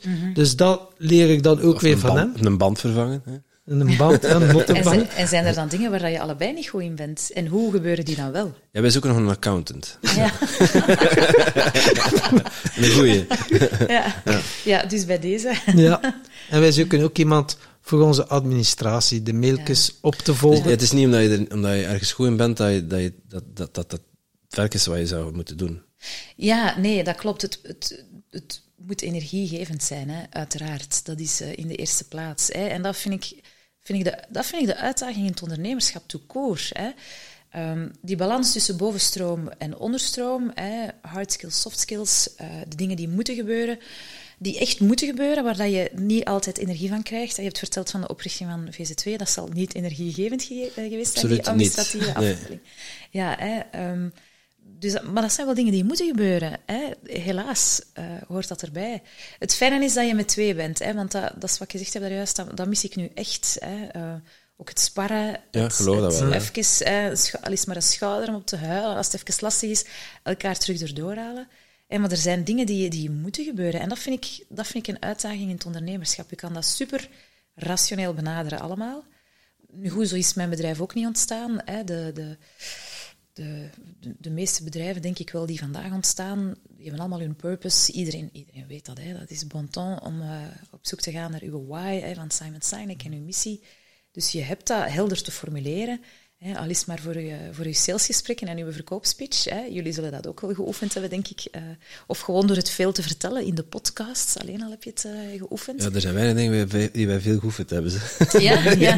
Maar door het opnieuw en opnieuw te vertellen, heb je hem wel aangescherpt. Hè? Eh, Ja, maar ik merk nu inderdaad, ik zat vroeger veel te veel te zoeken om de juiste woorden te vinden. En daar liep ik zo op vast, dat was elke keer zoiets mentaal. En ik dacht, ah, zielsmissie, als ik het onder de juiste woorden heb, dan is het in orde. Terwijl dat nu een gevoel is, en nu, dan komt het vanzelf. Ja, maar je kan hem wel vertellen en je, je bent er ook naar op zoek gegaan. Je hebt Ja, er ook dingen tuurlijk. voor Het is gedaan. ook hè. eh, de Ik heb wel hele- tien keer moeten zeggen dat van, laat het los zijn, allemaal maar woorden. Doe gewoon, doe gewoon wat je, Ja. te doen hebt. Ja. En, ja. En ja, wat, dan we, wat dan we nu zoiets hebben en zo, hè, er is nu wel ook weer iemand op ons pad gekomen, en zo voor het administratief, hè, een mappenstructuur, omdat we dan mee een team zijn en dan de dienen doet iets en dat, maar het is zo wat ons aan, en terwijl dat we een ongelooflijke tool hebben, Nifty, voor projectmanagement, Ja. maar we passen het nog niet op het juiste moment toe. Dus de, de- iedereen doet maar wat, waardoor dat enorm veel energie kost. Dus dat is nu voor ons iemand die ons bij het handje neemt eh, en, en het heel goed even uitlegt en zo van, oké, dat zijn de mappen hierin, dat wordt voor, van die persoon verwacht, dat van die, dat dat helder is. Dat, dus dat is nu, wat we nu merken, zeker met het festival, hop, Ja. en iedereen, hop, in verschillende WhatsApp-groepjes, daar wordt iets in gezegd, spraakberichtjes, kun je het niet lezen, en ja, want je weet het niet. En dan, ja, dat is dan... eh, Ja, maar het is organisch aan het groeien. Hè. Ja, dat is het mooie klopt. eraan. Hè. Het is niet dat je op voorhand een heel plan hebt uitgeschreven, van het moet zo en zo. Nee, dat werkt niet. Nee, dat werkt niet. Hè. Nee. Nee. Het is Eh, organisch aan het groeien. wel, Jij, jij werkt vaak in bedrijven. Zo een plan, een missie, een visie. Eh, wat is jouw mening daarover? Wat is mijn mening daarover? Ehm, de vrije beroepers waar ik nu werk, want ik ben daarbij gestart, maar ehm, wat ik doe, kan ik hè, eh, binnen elke KMO doen. Het is absoluut belangrijk dat je dat helder hebt voor jezelf, wat, jou, wat jouw missie is. Bij de notarissen is het zo, ja, die hoeven dat niet helder te hebben. Die worden benoemd door de koning, die nemen een standplaats over of die associëren, hè, die, die treden toe in de vennootschap. En dat businessmodel, dat staat redelijk vast. Je hebt daar niet zoveel keuze in. Je kunt niet kiezen voor ofwel de kwaliteit of de kwantiteit. Dus die missie is daar minder helder, maar ik werk daar wel rond in de projecten om die helder te krijgen. Al is het maar beginnen met de kernwaarden, die oefening op zijn minst, die toch al doen, om dan de missie helder te, krijgen doorheen het traject. Dus we beginnen altijd met een analysefase, waarin dat ik in het, de eerste stap met de leidinggevende die oefening al doe, helder te krijgen. Samen met, ik bespreek de geschiedenis van het kantoor, de historielijnen, wat er allemaal eh, gebeurd is. Dus hoe is dat tot stand gekomen? De accountants hebben dat al helderder, omdat die geen openbaar ambtenaar zijn, maar volledig ondernemer. Dus die, om het verschil te maken met andere accountantskantoren, hè, dan gaan ze hun website en hun social media opzetten. Dan komt er een branding agency bij, eh, of marketing agency, die daar wel rond werken. Hè, die ze dan dag eh, of anderhalf uur, wat in mijn ogen te kort is. Hè, want je hebt dat niet zomaar... Hè, als, je, als je kijkt naar onszelf, hoe lang dat we daarmee bezig geweest zijn. Eh, maar die zijn daar wel al meer mee bezig. Dus ik, het is absoluut noodzakelijk dat je dat helder hebt en dat je dat wel kan vertellen. Want als iemand eh, voor u komt werken, is het toch wel interessant dat je kan vertellen waar dat je voor staat. Dus die taal daaraan geven is op dat moment wel belangrijk, vind ik. En voor mensen, dat kan het soms ook even door elkaar al, misschien Timothy niet, maar wat is eigenlijk het verschil tussen een missie en een visie? Ehm, een, een missie voor mij, want dat kan zijn dat er andere meningen over bestaan. Missie is eigenlijk echt wat het dichtste tegen je identiteit aanleunt. Waarom dat je elke dag opstaat en doet wat, dat je, wat dat je gaat doen of wilt doen. Dat is echt de why. Eh, uw waarom. Waarom doe je wat dat je doet? Dat is voor mij uw zielenmissie. Uw visie is eigenlijk meer toekomstgericht, doordat je missie gaat, gaat ja, in de wereld zetten. Hè, bij mij, mijn missie is ehm, mensen, organisaties helpen groeien, ontwikkelen, transformeren, om, om ervoor te zorgen dat er meer energie en harmonie, in, eh, een betere eh, energie en harmonie in de wereld is. Mijn visie is dan, ik doe dat via organisatieontwikkeling, ik wil ervoor zorgen dat werkgeluk eh, beter is op de werkvloer, dat de stress verlaagt, dat er het engagement van de medewerkers hoger is. Hè, De stressverlaging zowel voor de leidinggevende als voor de eh, medewerkers. En dan ga je dat meer concreter maken in een strategie en doelstellingen. Hè, dus je maakt dat eigenlijk concreter en je laat het ook dichter, dichterbij komen. Dus je haalt het uit die onderstroom naar de bovenstroom. Ja, zoals jij het zo mooi gezegd hebt. Hè? Ja. Ja, En, en, en, eh, hoe belangrijk wordt het dan, eh, want als iets gevoed wordt vanuit de onderstroom Mhm. en, en, het, en het komt in de bovenstroom, zoals jij het noemt, het topje van de ijsberg die zichtbaar is, eh, het moet wel van onderuit gevoed blijven. En, en is het dan niet vaak een valkuil dat als je het in een strategie en in een doelstelling gaat gieten, dat het dan in het rationele terechtkomt en niet meer gevoed wordt? Ja. Maar dat is ook de balans die dat jullie nu hebben, hè? waar jullie nu in zitten. Hè? Eh, met de groei van uw evenement en uw onderneming.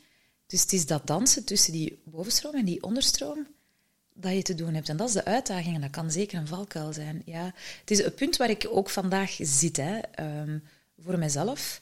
Ehm, om weer eventjes terug naar die, onder die, die, waterlijn van die ijsberg te gaan in de diepte, om dat verder te verfijnen.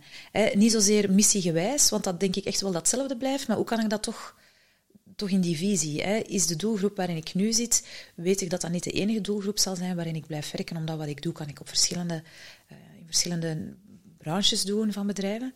Ehm, dus hoe ga ik die doelgroep verder concretiseren eh, en verfijnen? En dan ga je terug naar die missie wel. Hè. Je gaat er altijd terug en heb je dat te voeden? Ja, uiteraard. Maar het is zo de essentie van wie dat je bent. Allee, In mijn ogen zal dat niet, toch niet heel erg eh, veranderen. Nee. Nee. Dat Ja, is al wie dat ik ben, van kinds En- af aan. Eh, ja, als je het hebt over, over business, dan, dan hoort daar een bepaalde doelstelling, strategie bij. Hè, Er moet ook brood op de plank komen. Ja, ja, aan de streep. uiteraard, Zeker als je kantoor bent en meerdere monden moet voeden. Eh, en dan kan strategie kan er wel voor zorgen dat je eh, bepaalde op een bepaalde manier aan die visie gaat werken. Maar wat ik, wat ik heel vaak zie, is dat, dat de strategie dan leidend wordt en dat dat eigenlijk al bijna de visie wordt. En dat je, dat, je daar, dat, dat zo in beton gebeiteld zit, dat, dat de organisatie daarop leeg bloedt. Ja, dat klopt. Dat is, een- dat is juist hoe dat jij het zegt, dat klopt. En dan is de kunst om op dat moment eh, terug te gaan kijken naar jezelf en, en, en inwaarts te gaan in je organisatie zelf, zowel naar binnen en je blik als buiten houden. Hè. Binnen en buiten heb je die blik te houden. Maar eerst en vooral terug eigenlijk een soort van zelfreflectie te doen voor je bedrijf, of dat de strategie nog wel klopt en gealigneerd is op je, op je missie. Anders, anders stroomt de energie niet in je bedrijf. Dan ga je blokkades creëren. Het kan zijn dat je een hele grote veroveringspolitiek hebt, maar, maar is dat nog in lijn met je missie en je visie? Ehm, want dan kan je daarop verbranden en eh, dat kan eh, gevaarlijk zijn voor bedrijven, dat klopt. En als je dat niet helder hebt, dan moeten we Leen bellen. Ehm, Of, Als je dat niet helder hebt, dan mag je mij bellen. Wat ik concreet doe, is ik werk eigenlijk op de kwaliteit van de organisatieontwikkeling in het bedrijf. Dus als ik merk in mijn analyse dat dat niet meer gealigneerd is, niet meer op een lijn zit, dan werk ik, werk ik daar ofwel met jou, eh, of met jou eraan of met het bedrijf. Ehm, ofwel ga ik daar dan specialisten voor zoeken eh, die dat op een bepaald niveau eh, kan brengen. Ik heb wel een groot netwerk van ehm, mensen die freelance ondersteunen daarin. En bijvoorbeeld het stuk werken op klantgerichtheid, eh, procesoptimalisatie, werk ik samen met, met andere mensen. Dat, dat kan ik ook zelf. ehm, ik heb graag de experts die dan eh meekomen ondersteunen. Ehm, en wat ik wel altijd doe, is in co-creatie met de mensen zelf in het bedrijf. Dus niet alleen de leidinggevende, maar wel... eh, want dat vind ik ook een van de heerlijkste dingen om te doen met de mensen zelf eh, in het kantoor. Die mee de schouders eronder zetten en het op die manier meedragen. Want het heeft geen zin van een missie te bepalen op het hoogste niveau, als dat niet gedragen wordt ja, door de mensen daaronder. Hè. Is misschien wel even een leuke oefening nu voor onszelf. Dus ja, zoals je weet, twee weken geleden is onze VZ2 opgericht. We zitten nu in volle voorbereiding van ons festival. Dus na 9 september is ons festival en gaan we onze VZ2 de structuur geven. Wat zijn de basispunten? Wat is het belangrijkste? Wat dat we, kunnen, we hebben een mooi kernteam van verschillende mensen rondom ons. Ja, wij zijn nu voorlopig ja, de twee eh, bestuurders of eh, de twee die in de akte Nee, staan. je moet dat ook niet minimaliseren, toch? Ja, ja, ja, de twee bestuurders, eh, hoe dat ook noemt. Maar ja, Jullie is zijn de eigenaars. de van, eigenaars. eh, ja. Dus we gaan dat. VZ2 is een oprichter, hè, Ja. maar ja. ja. Ja, Ja. en we gaan dat Maar jullie natuurlijk. zijn de founding fathers. Klopt. Ja. En we gaan dat natuurlijk uitbreiden. Dus om geen stappen over te slaan, wat, wat is nu voor ons belangrijk?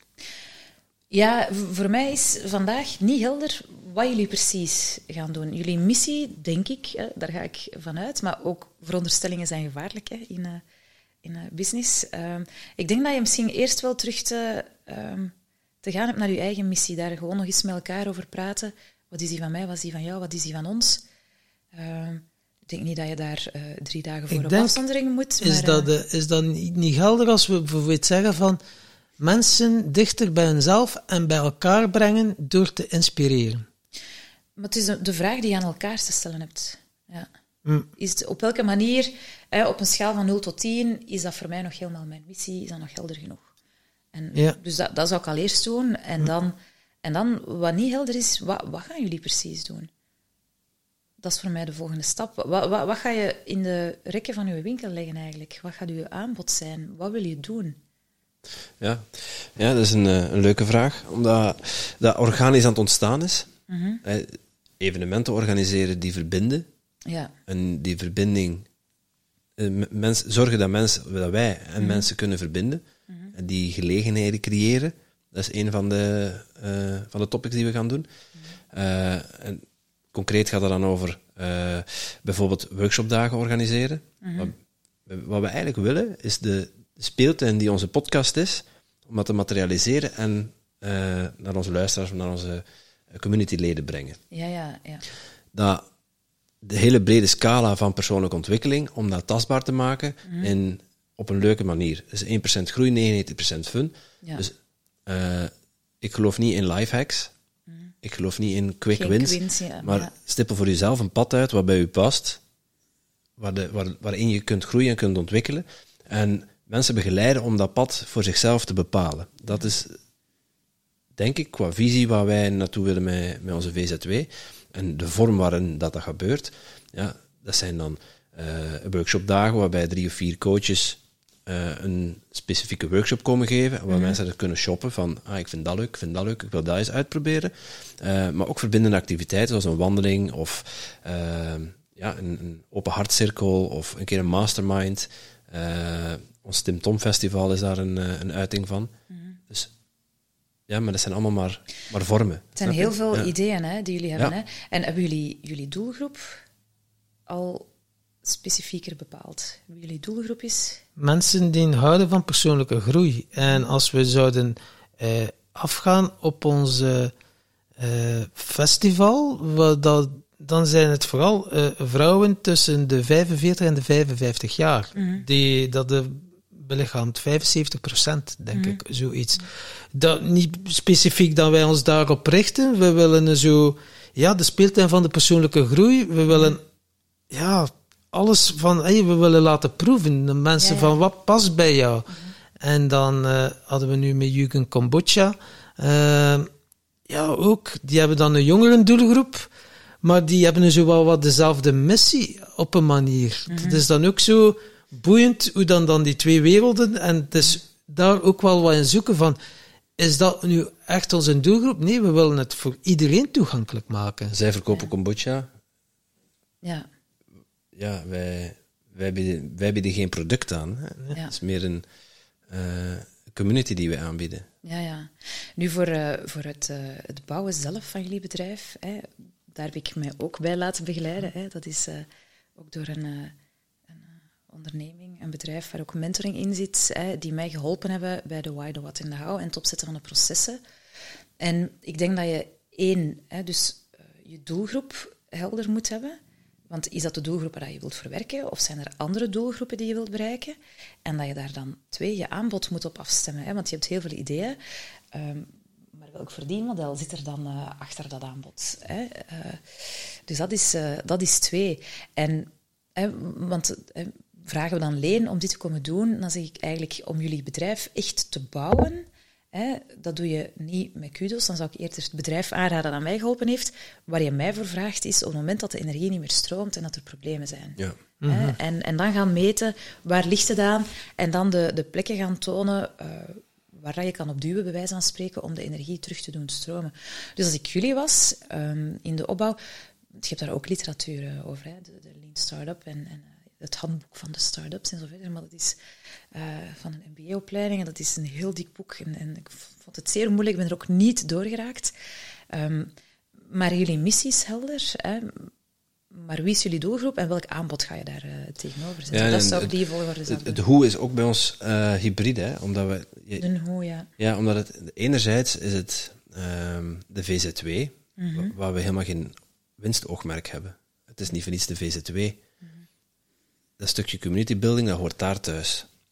Anderzijds, ja, ook ondernemend, hè, er moet ook brood op de plank komen. Ja. Uh, dat stukje verdienmodel, mm met, wel met oog op winst maken, ja. dat, hoort, dat hoort niet per se bij die VZ2 thuis. Dus dat hebben we nog uit te vinden, wat dat is. Ja, en de vraag is ook, want dat is ook het punt waar ik nu op zit, ga je een bedrijf ontwikkelen dat je kan schalen, dat je groter kan maken, waar dat jullie op een gegeven moment zelf uitgeplukt kunnen worden? Of Als onze vriend Karel, uh, Karel van der Velde moeten volgen, dan moeten we zeggen ja. Ja, ja bijvoorbeeld. Of, eh, want mijn bedrijf is van in het begin zo opgebouwd om wel te schalen. Hè. Ik heb mhm. een organisatiescan, ik heb een analysefase voor vochtrijkte. Ik zou in theorie uit mijn eigen bedrijf kunnen geplukt worden, maar ik zit heel graag in uitvoering in de bedrijven. Hè. Die organisatievraagstukken, ik doe dat ontzettend graag. En als ik natuurlijk een bedrijf maak dat schaalbaar is, dat, dat groeit met veel medewerkers, 100 medewerkers of meer, dan ben ik bedrijfsleider. Dan zit ik niet meer in uitvoering in mijn bedrijf. En, en dat is wat je ook af te wegen hebt aan het begin. Hè, dat zou je ook helder moeten hebben uh, voor mij. Dus er zijn toch al een aantal stukken waar dat je ja, kan, mee aan de slag kan gaan hè, uh, hierna. Maar, maar uw why is helder, de wat voor mij nog niet helemaal. En, en de how, ja, dan uh, ook nog niet. Hè. En van in het begin, als je zegt, we gaan een bedrijf oprichten dat schaalbaar is, hè, waar ik u precies toch ja voor hoor zeggen, dan ga je ook je processen zo moeten inrichten. Hè. Dan ga je heel, dat is toch een stuk in de bovenstroom hè, werken. Hè. Dan ga je Uh, wat is uw salesproces? Wat is uw, uw, proces van uw workshops? Wat is uw proces van trainen van uw... Uh, ga je een train, train the trainer academie oprichten? Uh, hoe ga je dat doen?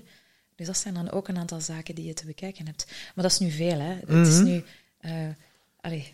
Ja, we hebben dat, er, er, is al uitgebreid over gesproken. En voor de VZ2 is mij dat redelijk helder. Ja. omdat dat, dat, gaat, dat gaat groeien en dat gaat ook vanuit je community ontstaan. Mm Ik heb dat al gezien. Dat is al ontstaan. Dat is al bezig, ja, ja. En, uh, maar ik vind het wel interessant wat je zegt van hoe ga je dan uh, met de andere luik, eh, een schaalbaar bedrijf of een schaalbaar brand, of, ja, dat, dat is nog wat aftoetsen waard. Ja, ja. Je, je, hebt veel mooie voorbeelden in uw podcast. Uh, Zeker. Hè, dus dat, we hebben heel wat expertise in Terwijl dat ik zo denk inderdaad, een keer even door scrollen. Wie is er nu die ons daar uh, kan... Uh, ja. Maar jij hebt meer bedrijven met, met, een, met het oplossen van een probleem. En wat voor problemen komen met, uh, bedrijven dan bij jou terecht? Ja, dus het, het voordeel was dat ik tot nu toe early adopters heb gehad. Dus die innovatieven die al heel erg blij zijn met verandering en iets nieuws willen proberen. Um, wat ik heel graag doe... Dat zijn dan niet de start-ups, hè? Nee, dat zijn geen start-ups. Nee. Dat zijn lopende bedrijven. Het zijn notariskantoren, accountantskantoren.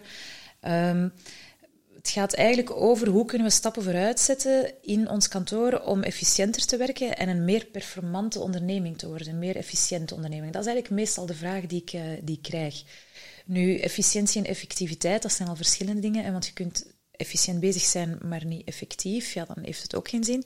En wat dat heel vaak het geval is, is dat het gaat over mensen in alle bedrijven zitten mensen en waar mensen zijn, wordt gemenst. En de vraag is dan bijvoorbeeld concreet, we willen onze kantoorprocessen optimaliseren. Uh, kan je dat komen doen bij ons? Ja, hè, zeg ik dan altijd, maar ik doe wel altijd eerst analysefase ook, omdat daar mijn mensstuk voor een groot stuk in zit. Hè. Wie zijn die mensen? Hoe kan ik ervoor zorgen dat die mee op de kar springen? Hoe kan ik die mee uh, geëngageerd krijgen? wat is de weerstand die ze hebben? Hoe breng ik dat in kaart? Hoe ga ik daarmee om? Uh, hoe, hoe zorg ik ervoor dat eigenlijk het vuur opgestart wordt om in die co-creatie te gaan, hè, om dan die processen te gaan optimaliseren. Dus dat is, dat is wat ik doe. Um, er zijn ook concrete vragen van conflicten tussen medewerkers. Ik ben, ben ook bemiddelaar, dus dat doe ik dan ook. Uh, teamcoachings, die zitten daarin. Uh, ik werk met de leidinggevende, werken aan communicatie, het beter leren communiceren, het verbindend communiceren. En wat doe je het liefst? Uh, het liefst doe ik um, ja, dus werken met de leidinggevende en de, de brainstorming sessies faciliteren. Dus eigenlijk het, het faciliteren en ervoor zorgen, ook de kick-off meetings, ervoor zorgen dat alle elementen er zijn, uh, waardoor mensen goed in brainstorming gaan. En um, op een gegeven moment zoiets hebben van wauw, wat ontstaat hier? Wauw. Mm. Of bijvoorbeeld ook de lastige situaties heb ik ook graag, dat klinkt nu raar, waar er... Um, conflicten zijn. Uh, ik, heb daar, ik, ik, was vroeger heel conflictvermijdend, maar ik heb daar leren instaan. En dan in teamcoachings, um, dat je op een gegeven moment voelt dat er zo gelijk... Nee, je kunt spierknopen hebben die tijdens een massage zo ineens een plof zeggen. Hè, dat je dat ook voelt bijna ploffen en dat de energie terug begint te stromen. Dat is wat ik het liefste doe. Dat is in, uh, ja, in, in de uitvoering in mijn... Ja, en waarom doe je dat het liefste? Ja, omdat dat hetgene is waarvoor ik denk dat ik in de wieg ben gelegd. Um, omdat je dan voelt dat je daar een bijdrage in geleverd hebt, dat je de omstandigheden gecreëerd hebt. Want ik heb het niet gedaan, zij hebben het gedaan. Maar je hebt wel de omstandigheden gecreëerd uh, om die energie terug te laten stromen. Ja. Hm. En omdat, net zoals jullie, ik ook iemand ben die voel wanneer energie stroomt en niet stroomt. En daar graag mee aan de slag ga. Hey, we begonnen het gesprek met, met systeemopstellingen en uh, met systeemopstellingen richting bedrijven brengen. Mm -hmm. Je zei van, ik heb dat nog niet echt uh, volledig kunnen toepassen in een bedrijf. Nee. Uh, maar als je, als je een ideaal bedrijf zou, uh, zou vinden waar je dat kunt toepassen, hoe, hoe, hoe, zie je dat voor je? Hoe zou je dat aanpakken? Als ik een ideaal bedrijf zou kunnen vinden waarin ik dat zou kunnen toe, toepassen. Dat is ofwel op vraag van het bedrijf zelf, ofwel vraag ik dan, zullen we eens iets proberen? Vinden jullie het goed dat we een experiment doen en we gaan een bepaalde interventie doen? Dus ik zou dat dan op die manier aanpakken en dan, dan laat ik ze gewoon uh, opstellen. Um, en dat is natuurlijk om er, je kan dat gebruiken voor uh, bepaalde zaken die zo in de knoop zitten dat alle andere dingen die ze al geprobeerd hebben niet werken. Mm -hmm. Ja, en dan gaan ze daar wel voor openstaan. Uh, dat is echt, echt om, om een probleem bij de wortel aan te pakken. Ja, hoe ze dat ook zeggen is dat bij de familieopstellingen ehm, die worden gedaan om ervoor te zorgen dat de ziel een beweging kan maken. Dus dat is op zo'n diep niveau, veel dieper dan de gewone coachings. Ehm, dus dat gaat veel verder dan een gewone coaching. Uh, vandaar dat je dat gaat gebruiken in situaties of op, op bedrijven waar dat andere dingen niet gewerkt hebben. Ja. Um, en je creëert een energetisch veld en de wetenschappelijke of de rationele uitleg daarvoor is er nog altijd niet. Um, maar de mensen die ooit een opstelling hebben meegedaan of gezien, die weten dat dat werkt. Hè.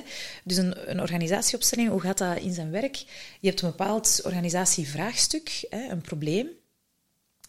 En dan kan je ofwel de mensen opstellen die uh, deel uitmaken van dat probleem, ofwel bepaalde uh, zaken voorstellen. Hè. We hebben het daar straks gehad over, je kan iemand opstellen voor stress, je kan iemand opstellen voor comfortzone, hè, bepaalde stukken. Of je stelt de leidinggevenden op en de medewerkers, of een combinatie daarvan. En dat kan uh, van alles zijn. Um, dus die ga je dan opstellen en door hoe ze op een bepaalde plek gaan staan, kan je al bepaalde dingen afleiden.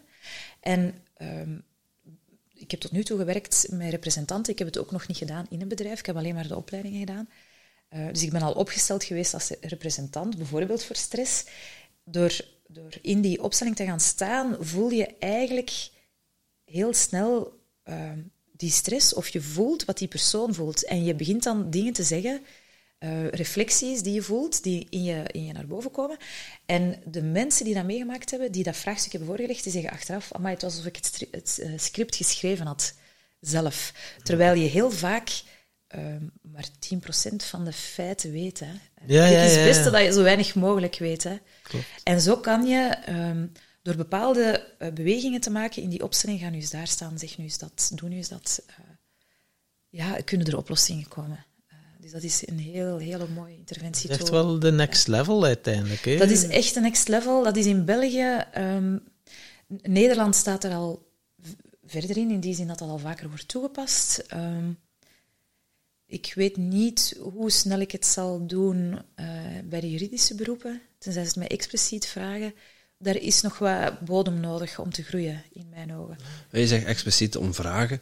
Ik weet niet of die Ja. vraag zomaar helemaal vanzelf komt. Ja, Maar ze vragen jou niet om een systeemopstelling te doen. nee. Ze vragen jou om een probleem op te lossen. Ja, en als het, het is een tool natuurlijk om een probleem in kaart te brengen. Ja, En ja, om aan te tonen waar het, uh, waar het niet stroomt en op wat voor manier het niet stroomt. ja, Ik vind het wel heel interessant. Volgens mij sta je ook te popelen om dat in de praktijk absoluut. te brengen. Ja, Allee, dat voel ik absoluut. toch. Ja, ja. We, hebben al, onderstroom. we hebben al iemand in onze podcast ook gehad, de Nederlander. Paul Zonneveld. Paul ja. Zonneveld. Ja, ja, ja, die ken ik. Die heeft ook een goed boek, uh, Emergent, denk ik. Ja. Oké, ja, Die heeft ja. geschreven. Dat gaat over fusies en zo en systemen. Paul, als je dit hoort, wil je die boek eens opsturen, want ik heb die nog altijd niet ontvangen. Ah, ja.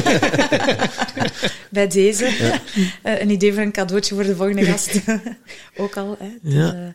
Ja, dus ja, dat is ook eh, iemand die daar eh, zeer gekend in is. En dan zowel in eh, Nederland als België zijn daar verschillende pioniers mee bezig. Hè. En ik ga de opleiding volgen. Het is een opleiding van 15 dagen, dus zeer intensief. Dus ik hoop dan dat ik... Je, je leert het daar ook doen. dus het is voor mij nog een drempeltje waar ik over moet. Eh, Ja. En ik ga, ik ga daar zeker over. Maar je doet het eigenlijk al, hè? Want als ik je doe het hoort, eigenlijk voor een stuk al, ja. de, de Ja, mensen klopt. opstellen op anciëniteit, Ja. dat, dat, zorgt ook al voor een, voor een dynamische shift. Dat klopt. En Ja. ja. je gaat ook aan de slag met wat er dan ontstaat. Ja, dat vind ik wel klopt. krachtig. Ja. Ja, dus van nature uit deed ik al, een, al heel wat. Dan ben ik uiteraard beginnen lezen daarover. Ik heb al een aantal opleidingen er rond gevolgd eh, en daar al wat, wat eh, tools uitgehaald. Dus, eh, dus het, het systemisch coachen is niet alleen organisatieopstellingen. Hè. Het bestaat uit zoveel, uh, zoveel meer. Ja. Je hebt genoeg opleidingen, hè? Je, kunt, Ja. je kunt het gewoon in de praktijk gaan brengen. ja, inderdaad. Wat een voorgesprek hebben we al Ja, gehad. inderdaad. want we beginnen altijd onze podcast met de vraag van de vorige gast. Dus Ah, we gaan met onze podcast beginnen zeker nu. Hè? Ah, dat is juist. Ik had die vraag nog niet gehad. Nee, nee. nee. Ik dacht toch niet dat je zo makkelijk vanaf kwam? Oh, ik moet dringend naar het toilet. Ah, ja. Nee, nee, ik kan nog wel. De mensen die mij nu goed kennen gaan nu hard lachen. Als ze mij dit horen Ik moet wel dringend naar het toilet, dus... eh, ik ga wachten op de vraag, want anders ben ik niet mee. Ja, hoe is dat hier? Ehm, in hoeverre denk jij dat er een parallele samenleving moet komen om uit deze moeilijke tijden te komen? Amai, dat is een, eh, dat is een knappe vraag. In hoeverre denk Ja, jij eh, dat er een parallele samenleving, samenleving moet komen? komen om uit deze moeilijke tijden waar dat we nu in zitten te komen. als een soort van testomgeving eigenlijk. Ja, om dingen te gaan op toepassen. Ja. En, en van wie komt de vraag? Dat mag ik niet weten of wel. Steve van Herwegen. Ken je die? Die, ja, ik denk dat ik hem wel ken. Ik heb Psycholoog. Psycholoog rationeel. ja. Maar eh, die voelde door de Ja, ja. commissie van Ah, ja, psychologen. ja, ja, ja, ja, is oké. Wat is een eigen kijk erop na. Ja. Dus eigenlijk een soort van testomgeving die dan gecreëerd wordt om bepaalde dingen te gaan testen. Het is eigenlijk een parallele samenleving. Eh, misschien, misschien behoeft het een klein beetje toelichting. Eh, maar in, in Zuid-Afrika is al ontstaan, of is, is het al ontstaan. Het is eigenlijk een, een samenleving binnen de huidige maatschappij, eh, die het op een eigen manier en eigen voorwaarden doet. Eh, maar die dan parallel bestaat aan onze huidige maatschappij. Ja. En, en eh, ik voel dat het gevaar bij mij dan bestaat om dat vanuit mijn eh, rationeel-juridische context te gaan benaderen. Dus dat wil ik dan niet doen. Want daar zijn een aantal voorwaarden voor nodig. Hè. eh, Grondgebied, grondwet en verder. Ehm, ik denk de enige, dat het de niet enige nodig voorwaarde is. die je daarvoor Ja. nodig hebt, is mens zijn. Is mens zijn, ja. En ik, de, de methode die ik gebruik in, ehm, bij de change trajecten of bij de organisatieontwikkeling zijn onder andere het waarderend veranderen, eh, positieve psychologie, en dat vertrekt vanuit het positieve en vanuit de oplossing. Ehm, als experiment. En we gaan dan experimenteren en dat toepassen. En dan denk ik, waarom heb je die parallele samenleving nodig om... Eh, dus nee, ik denk dat dat niet nodig is. Ik, ik zou zelfs hopen van niet ik denk dat de moed nodig is om, om dat hier te doen. Om dat in onze huidige samenleving te doen. Veel meer moed bij de politici dan vooral, maar ook bij onszelf uiteraard, want wij maken mee deel uit. Ehm, ik vind bijvoorbeeld dat ik te weinig aan ehm, charity doe. Ik heb dat wel gedaan via bepaalde groepjes van vriendinnen. Liefdadigheid. ehm, bedrijven, dat is een van de componenten waarvan ik vind dat bedrijven dat moeten doen. Hè, om hun omgeving rondom ook mee beter te maken. Het is iets wat ik totaal niet heb meegekregen van thuis uit. Wat ik af en toe ook wel probeer te doen als ik bijvoorbeeld jarig ben, dan, dan eh, vraag ik, en als ik 40 geworden ben, heb ik gevraagd aan de mensen om een centje te storten aan een VZW die leuke verjaardagsfeestjes organiseert voor arme kinderen. Armoede is iets wat mij, wat mij aangaat, arme kinderen nog, eh, nog meer. Ik heb nog een leuke VZ2 anders. Ah ja. Ehm, Dat is mooi, ja. maar ik vind dat een moed bij ons allemaal nodig is om het in deze samenleving... We leven toch vandaag, hier en nu. Dus hoe gaan we rationeel dan een parallele samenleving maar ja. denken om het te proberen? Wie dat er zo nu aan de macht is, ja, wij kunnen geen wetten stemmen en zo. En eh, Ja. ik denk dat het eerder op die manier is. Ja, hoe, ja, is het dan niet zo van, als we kunnen aantonen door het anders te doen, dat het dan die ogen open gaan? Dus eigenlijk als, als, als beïnvloedings- en overtuigingstechniek dan meer. Ja, hè? Tom probeerde nu te overtuigen dat, Ja. dat wat jij net geantwoord hebt, dat dat niet mag. Hè. Dat, Ja. ik denk, ja, maar, ja. maar Zo dan in de maak je mensen toch ik boos, zo. denk ik. Dan maak je mensen alleen maar bozer, denk ik. ik. Ja, je wilt eigenlijk rationeel cijfermateriaal voorleggen van, gelijk we het, zoals we het daar doen of gedaan hebben, is het beter. Maar dan sluit je ook uit, hè, want je creëert een andere context en je creëert weer geen realiteit. ja, ben Dus ik- eens. Ja. Mijn antwoord is nee. Ja, Ja. oké. Ik vind dat je dat in te sluiten hebt en vandaag de moed nodig hebt om eh, te experimenteren. Ja. Ja. En er zijn al veel bedrijven die het doen vandaag in, in, in de huidige context. Dus creatief zijn. dat was wel een hele goede vraag. Ja. Ja. Mooi. Origineel. Je mag nog een vraag bedenken voor de volgende gast ook. Maar ja, niet degene wat je al bedacht hebt natuurlijk. Hè. Ah, Zo meen je dat nu makkelijk, eh, echt? ja, tuurlijk. Ja. Oh, damn. Ehm, dus ik had die vraag al gesteld. Ik had geen reservevraag. Nee, dat Ehm, weet ik. We mogen het vanuit een Oh, onderstroom. we mogen het vanuit een. We mogen het vanuit uit mezelf opborrelen en dat met druk op mijn, eh, onderstroom, maar mijn ja. Ehm, ik, ga het, ik ga het dan toch laten aansluiten op mijn laatste opleidingen en, en de rituelen die zorgen voor... die zo mooi verbinding kunnen creëren en eh, kunnen zorgen voor het helen van trauma in organisaties. Ehm, wat is jouw healingsinterventie? Wat doe jij om in jouw bedrijf, ik ga ervan uit dat er iemand is die in een bedrijf werkt of een bedrijf heeft, ehm, wat zou jij doen als je een moeilijke periode hebt meegemaakt, iets moeilijk, trauma met een kleine t of grote t, om ervoor te zorgen dat dat kan geheeld worden? Ja. Dat mag dan mijn vraag zijn. Mooi. Ja. Ik ben heel benieuwd, ja. Ik ook. Hey, onze podcast gaat over eh, geluk en succes. Je zou, het, eh, je zou het ook bijna vergeten. Ja. Eh, je hebt al een paar eh, afleveringen geluisterd, dus je weet ook welke vragen er nu zitten aan te komen. Maar eh, Leen, wat is jouw definitie van geluk? Wat is mijn definitie van geluk? Ehm, als definitie van succes hè, vond ik die van Tony Robbins heel inspirerend. En ik ga We hebben nog niet in onze via- podcast gehad, hè? Nee, nee, nee, ik weet het. Maar in zijn boek staat het, in een van zijn boeken staat het. Hè. Eh, succes voor hem is eigenlijk groeien eh, op alle vlakken. Hè. Op, op financieel vlak leuk, hè, liefst. Eh, maar ook op alle andere vlakken, want dat is persoonlijke ontwikkeling. Dus dat is voor hem succes.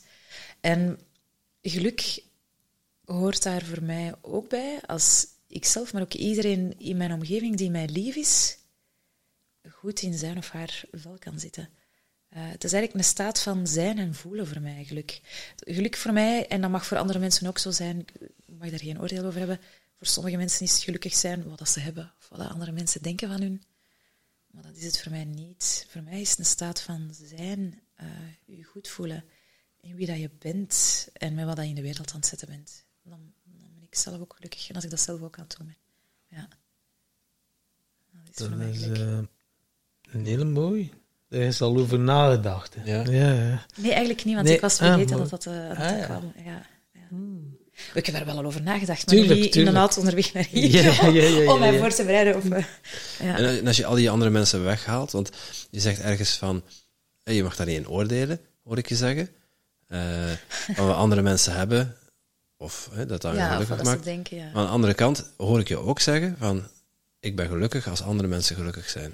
Ah, ik kan niet gelukkig zijn zonder andere mensen. Nee. nee. Dat is een wezenlijk andere, hè? Ja, ik, ben, ik, ben, ik kan heel goed alleen zijn. Ik ben ook graag alleen, dat weet mijn gezin ook. Ik mag dat ook af en toe zo benoemen. Ik heb nu even eh, Ja. tijd nodig alleen. Ehm, maar ik heb wel wezenlijk connectie nodig. Dat is voor mij een absolute voorwaarde voor, eh, voor geluk. Ja. Va- vandaar ook die nood aan samenwerking in mijn bedrijf. En mooi om te zien hoe dat jullie, ja, hoe dat die energie tussen jullie twee zit en dat jullie dat hebben. Ja, daar, Dank u. daar snak ik naar. Ja. Dankjewel. Ja, het is mooi wat dat er allemaal mag ontstaan. En als je dan ook voelt dat het effectief, ja, sommige mensen die het nog niet hebben ervaren, want kunnen wij wel zeggen, je voelt dat wordt gedragen, dat het mag. Maar we hebben ook al dingen gedaan, ja, zoals ik ook zei, echt met je mind bedenken en dat en dat. En dan wordt langs alle kanten, voelde ja, tegendruk en het gaat niet vooruit en loopt er echt op leeg. En dan is het ook de kunst van, wow, loslaten. Maar dan voelt het soms, ja, dan wordt dus in de maatschappij al zo bekeken, je hebt gefaald. Hè? Als een keer iets niet lukt, je hebt gefaald, maar nee, je hebt inderdaad geëxperimenteerd. En toch zijn op zoek van, ja, hoe kan ik hier een bijdrage gaan leveren? Ja, en dan is de kunst van u dat vooral niet aan te trekken, Ja, wat de mensen denken van u. Ja, Ja, maar ik ben er, met wat ik gedaan heb, de stappen die ik gezet heb, denk ik dat er eh velen toch gekeken hebben en op sommige momenten gedachten van, haha, het, het duurt eventjes voordat je er staat en nog. Hè. Ik ben eigenlijk maar officieel anderhalf jaar op de markt. Om, om dat allemaal financieel rendabel te maken met alle investeringen, dat, dat duurt eh, eventjes. Hè. Ehm, dus dat is één. En wat is falen? We weten allemaal dat falen geen Uitgesteld is. succes. Hè? ja, ja, hoort erbij. We leren onze kinderen dat ook. Hè. Eh, Ja. Falen hoort erbij, dus leren uit de fouten. Hè. Ja, ja. Ja, zo wezenlijk ook om daar echt, ja. En dat zijn ook de lessen die je dan inderdaad krijgt van, oké, wat, wat kan ik nu anders doen uiteindelijk, hè? Eh, op een manier, of je bent weer een manier dichter gekomen bij wat je wilt bereiken. Ja, en ik vind dat de shift in ondernemingslandschap nog niet overal goed genoeg gemaakt is, maar ook daarbuiten. Een van de, ehm, en er is ook een, een boek over, eh, van twee Limburgse professionals over soft skills. Een van de soft skills van dit moment is, is creativiteit en experimenteren. Ja, experimenteren, durven op je bek gaan, zeggen het is niet gelukt, we sturen bij. Ja. Het, is, het is niet alleen vanuit dat rationele bedenken hoe het moet, om het dan de eerste keer juist te doen, dat is hoe vele mensen denken dat het moet. Nee, je moet... Het is, voor mij is trouwens mijn volgorde ook denken, doen, voelen. Eerst het denken, dan het gaan doen en dan voelen, zit het goed. Hè, eh, mijn dochter heeft dat omgekeerd, hè, mijn man ook. Hè, dat is voelen eh, doen, pardon, doen, hè, bijvoorbeeld hand op de hete, hete kokplaat, doen, voelen, ouwe tousseren en dan denken, oh, dat mag niet. Dat is learn by doing ook wel, maar dat is ook hun volgorde. Ze hebben een andere volgorde dan... de en eh, onze zoon en ik hebben, hebben alle twee het denken, het doen en dan voelt iets goed voor mij. Ik heb het nu bedacht hoe het moet, ik heb het gedaan. Voelt het goed? Ah, nee, dan ga ik bijsturen. Ja. Maar het helemaal uitdenken en dan van de eerste keer juist doen. Dus voor mij een van de eh, soft skills is eh, creativiteit en, en experimenteren. Ja. En dat betekent dat je af en toe op je bek eh, gaat. Hè. Het organisch, dynamisch laten groeien van je bedrijf, van jullie ook nu. Ja, wij, wij, wij draaien het helemaal om. Het begint met voelen, dan het doen en dan Ja. denken van... Ja, dat is omdat dat jullie volgorde is. Ja, ja. We hebben de- alle volgordes al geprobeerd. Ja, ja dan pas- passen die andere Ja, volgordes voilà, niet ja. Ja. Een leuke oefening voor iedereen, denk ik. Ja, ja, Dan Verandert die volgordes, kijk wat er gebeurt. ja. Ja, misschien is dat wel eens een keer wat ik eh, te doen heb. Hè. Een keer wat meer uit te denken. Vandaar dat lezen ook en blijven lezen. "Ah, Ik kan het nog niet. Hm. Oké. Ja, en verwonderd kijken wat er dan ontstaat. Ja. Eh, we hebben geluk hebben we afgevinkt. Nog, eh, ja, wat is jouw definitie van succes? Want je- Zeg eens uit, hè? Nee, ze heeft de definitie van Tony Van Robbins. Tony. Robbins. Ja, ja, ja. op alle Ja. vlakken. Moet ik Ja, kritisch ja, ja, ja, ja, ja, het is waar. Het moet Op- ja, dat wel eens onderzoeksjournalistiek? Ja, dat succes op alle dat vlakken. ja, omdat mijn, dus mijn missie is ook dat groeien en ontwikkelen. Iets wat ik altijd voor mezelf heb gedaan. Dus voor mij succesvol zijn is... Voor mijzelf succesvol zijn is eigenlijk blij zijn met het pad dat je aan het bewandelen bent. En daar oké mee zijn. Ehm, omdat voor mij is succes niet wat je hebt, niet wat mensen denken van jou. Eh, ik heb natuurlijk ook wel in die wereld gezeten waarin dat dan misschien wel wat meer speelt. En dat is het nooit geweest voor mij. Ik heb dan heel hard gevoeld hoe het was om, om eh, dat helemaal niet meer eh, te hebben. En ik ben nu ondernemer, dat is mij vallen en opstaan, bloed, zweet en tranen. Maar voor mij, de definitie van succes is gewoon heel erg goed zitten op dat pad en je daar goed bij voelen en eh, tevreden zijn met het pad dat je bewandelt. Eh, maar wel wandelen en een pad bewandelen en zoeken. Ja.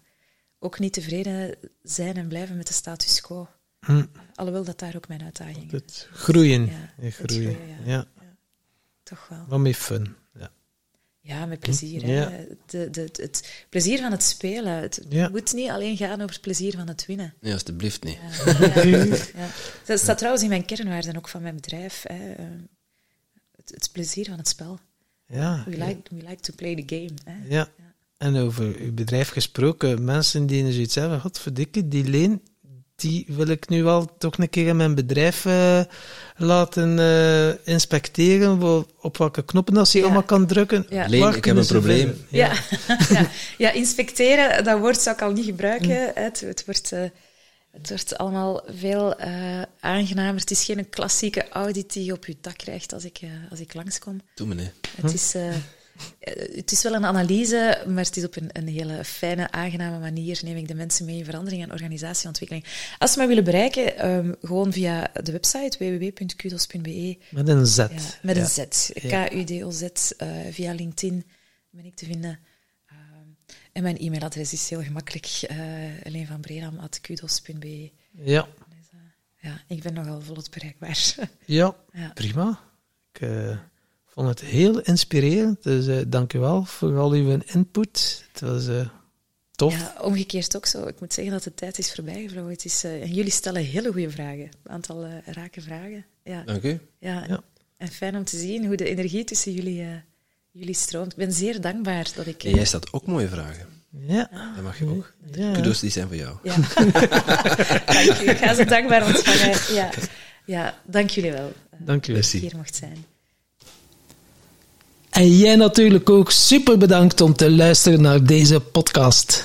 Voel jij je geïnspireerd? Je zou ons een enorm plezier doen door ons 5 sterren te geven of een review achter te laten in jouw favoriete podcast-app. En wil je geen enkel inspiratiemoment missen? Abonneer je dan op onze podcast of volg ons op social media at Tim Tom Podcast. Oké, dan moet je ook terug aan de. Hè?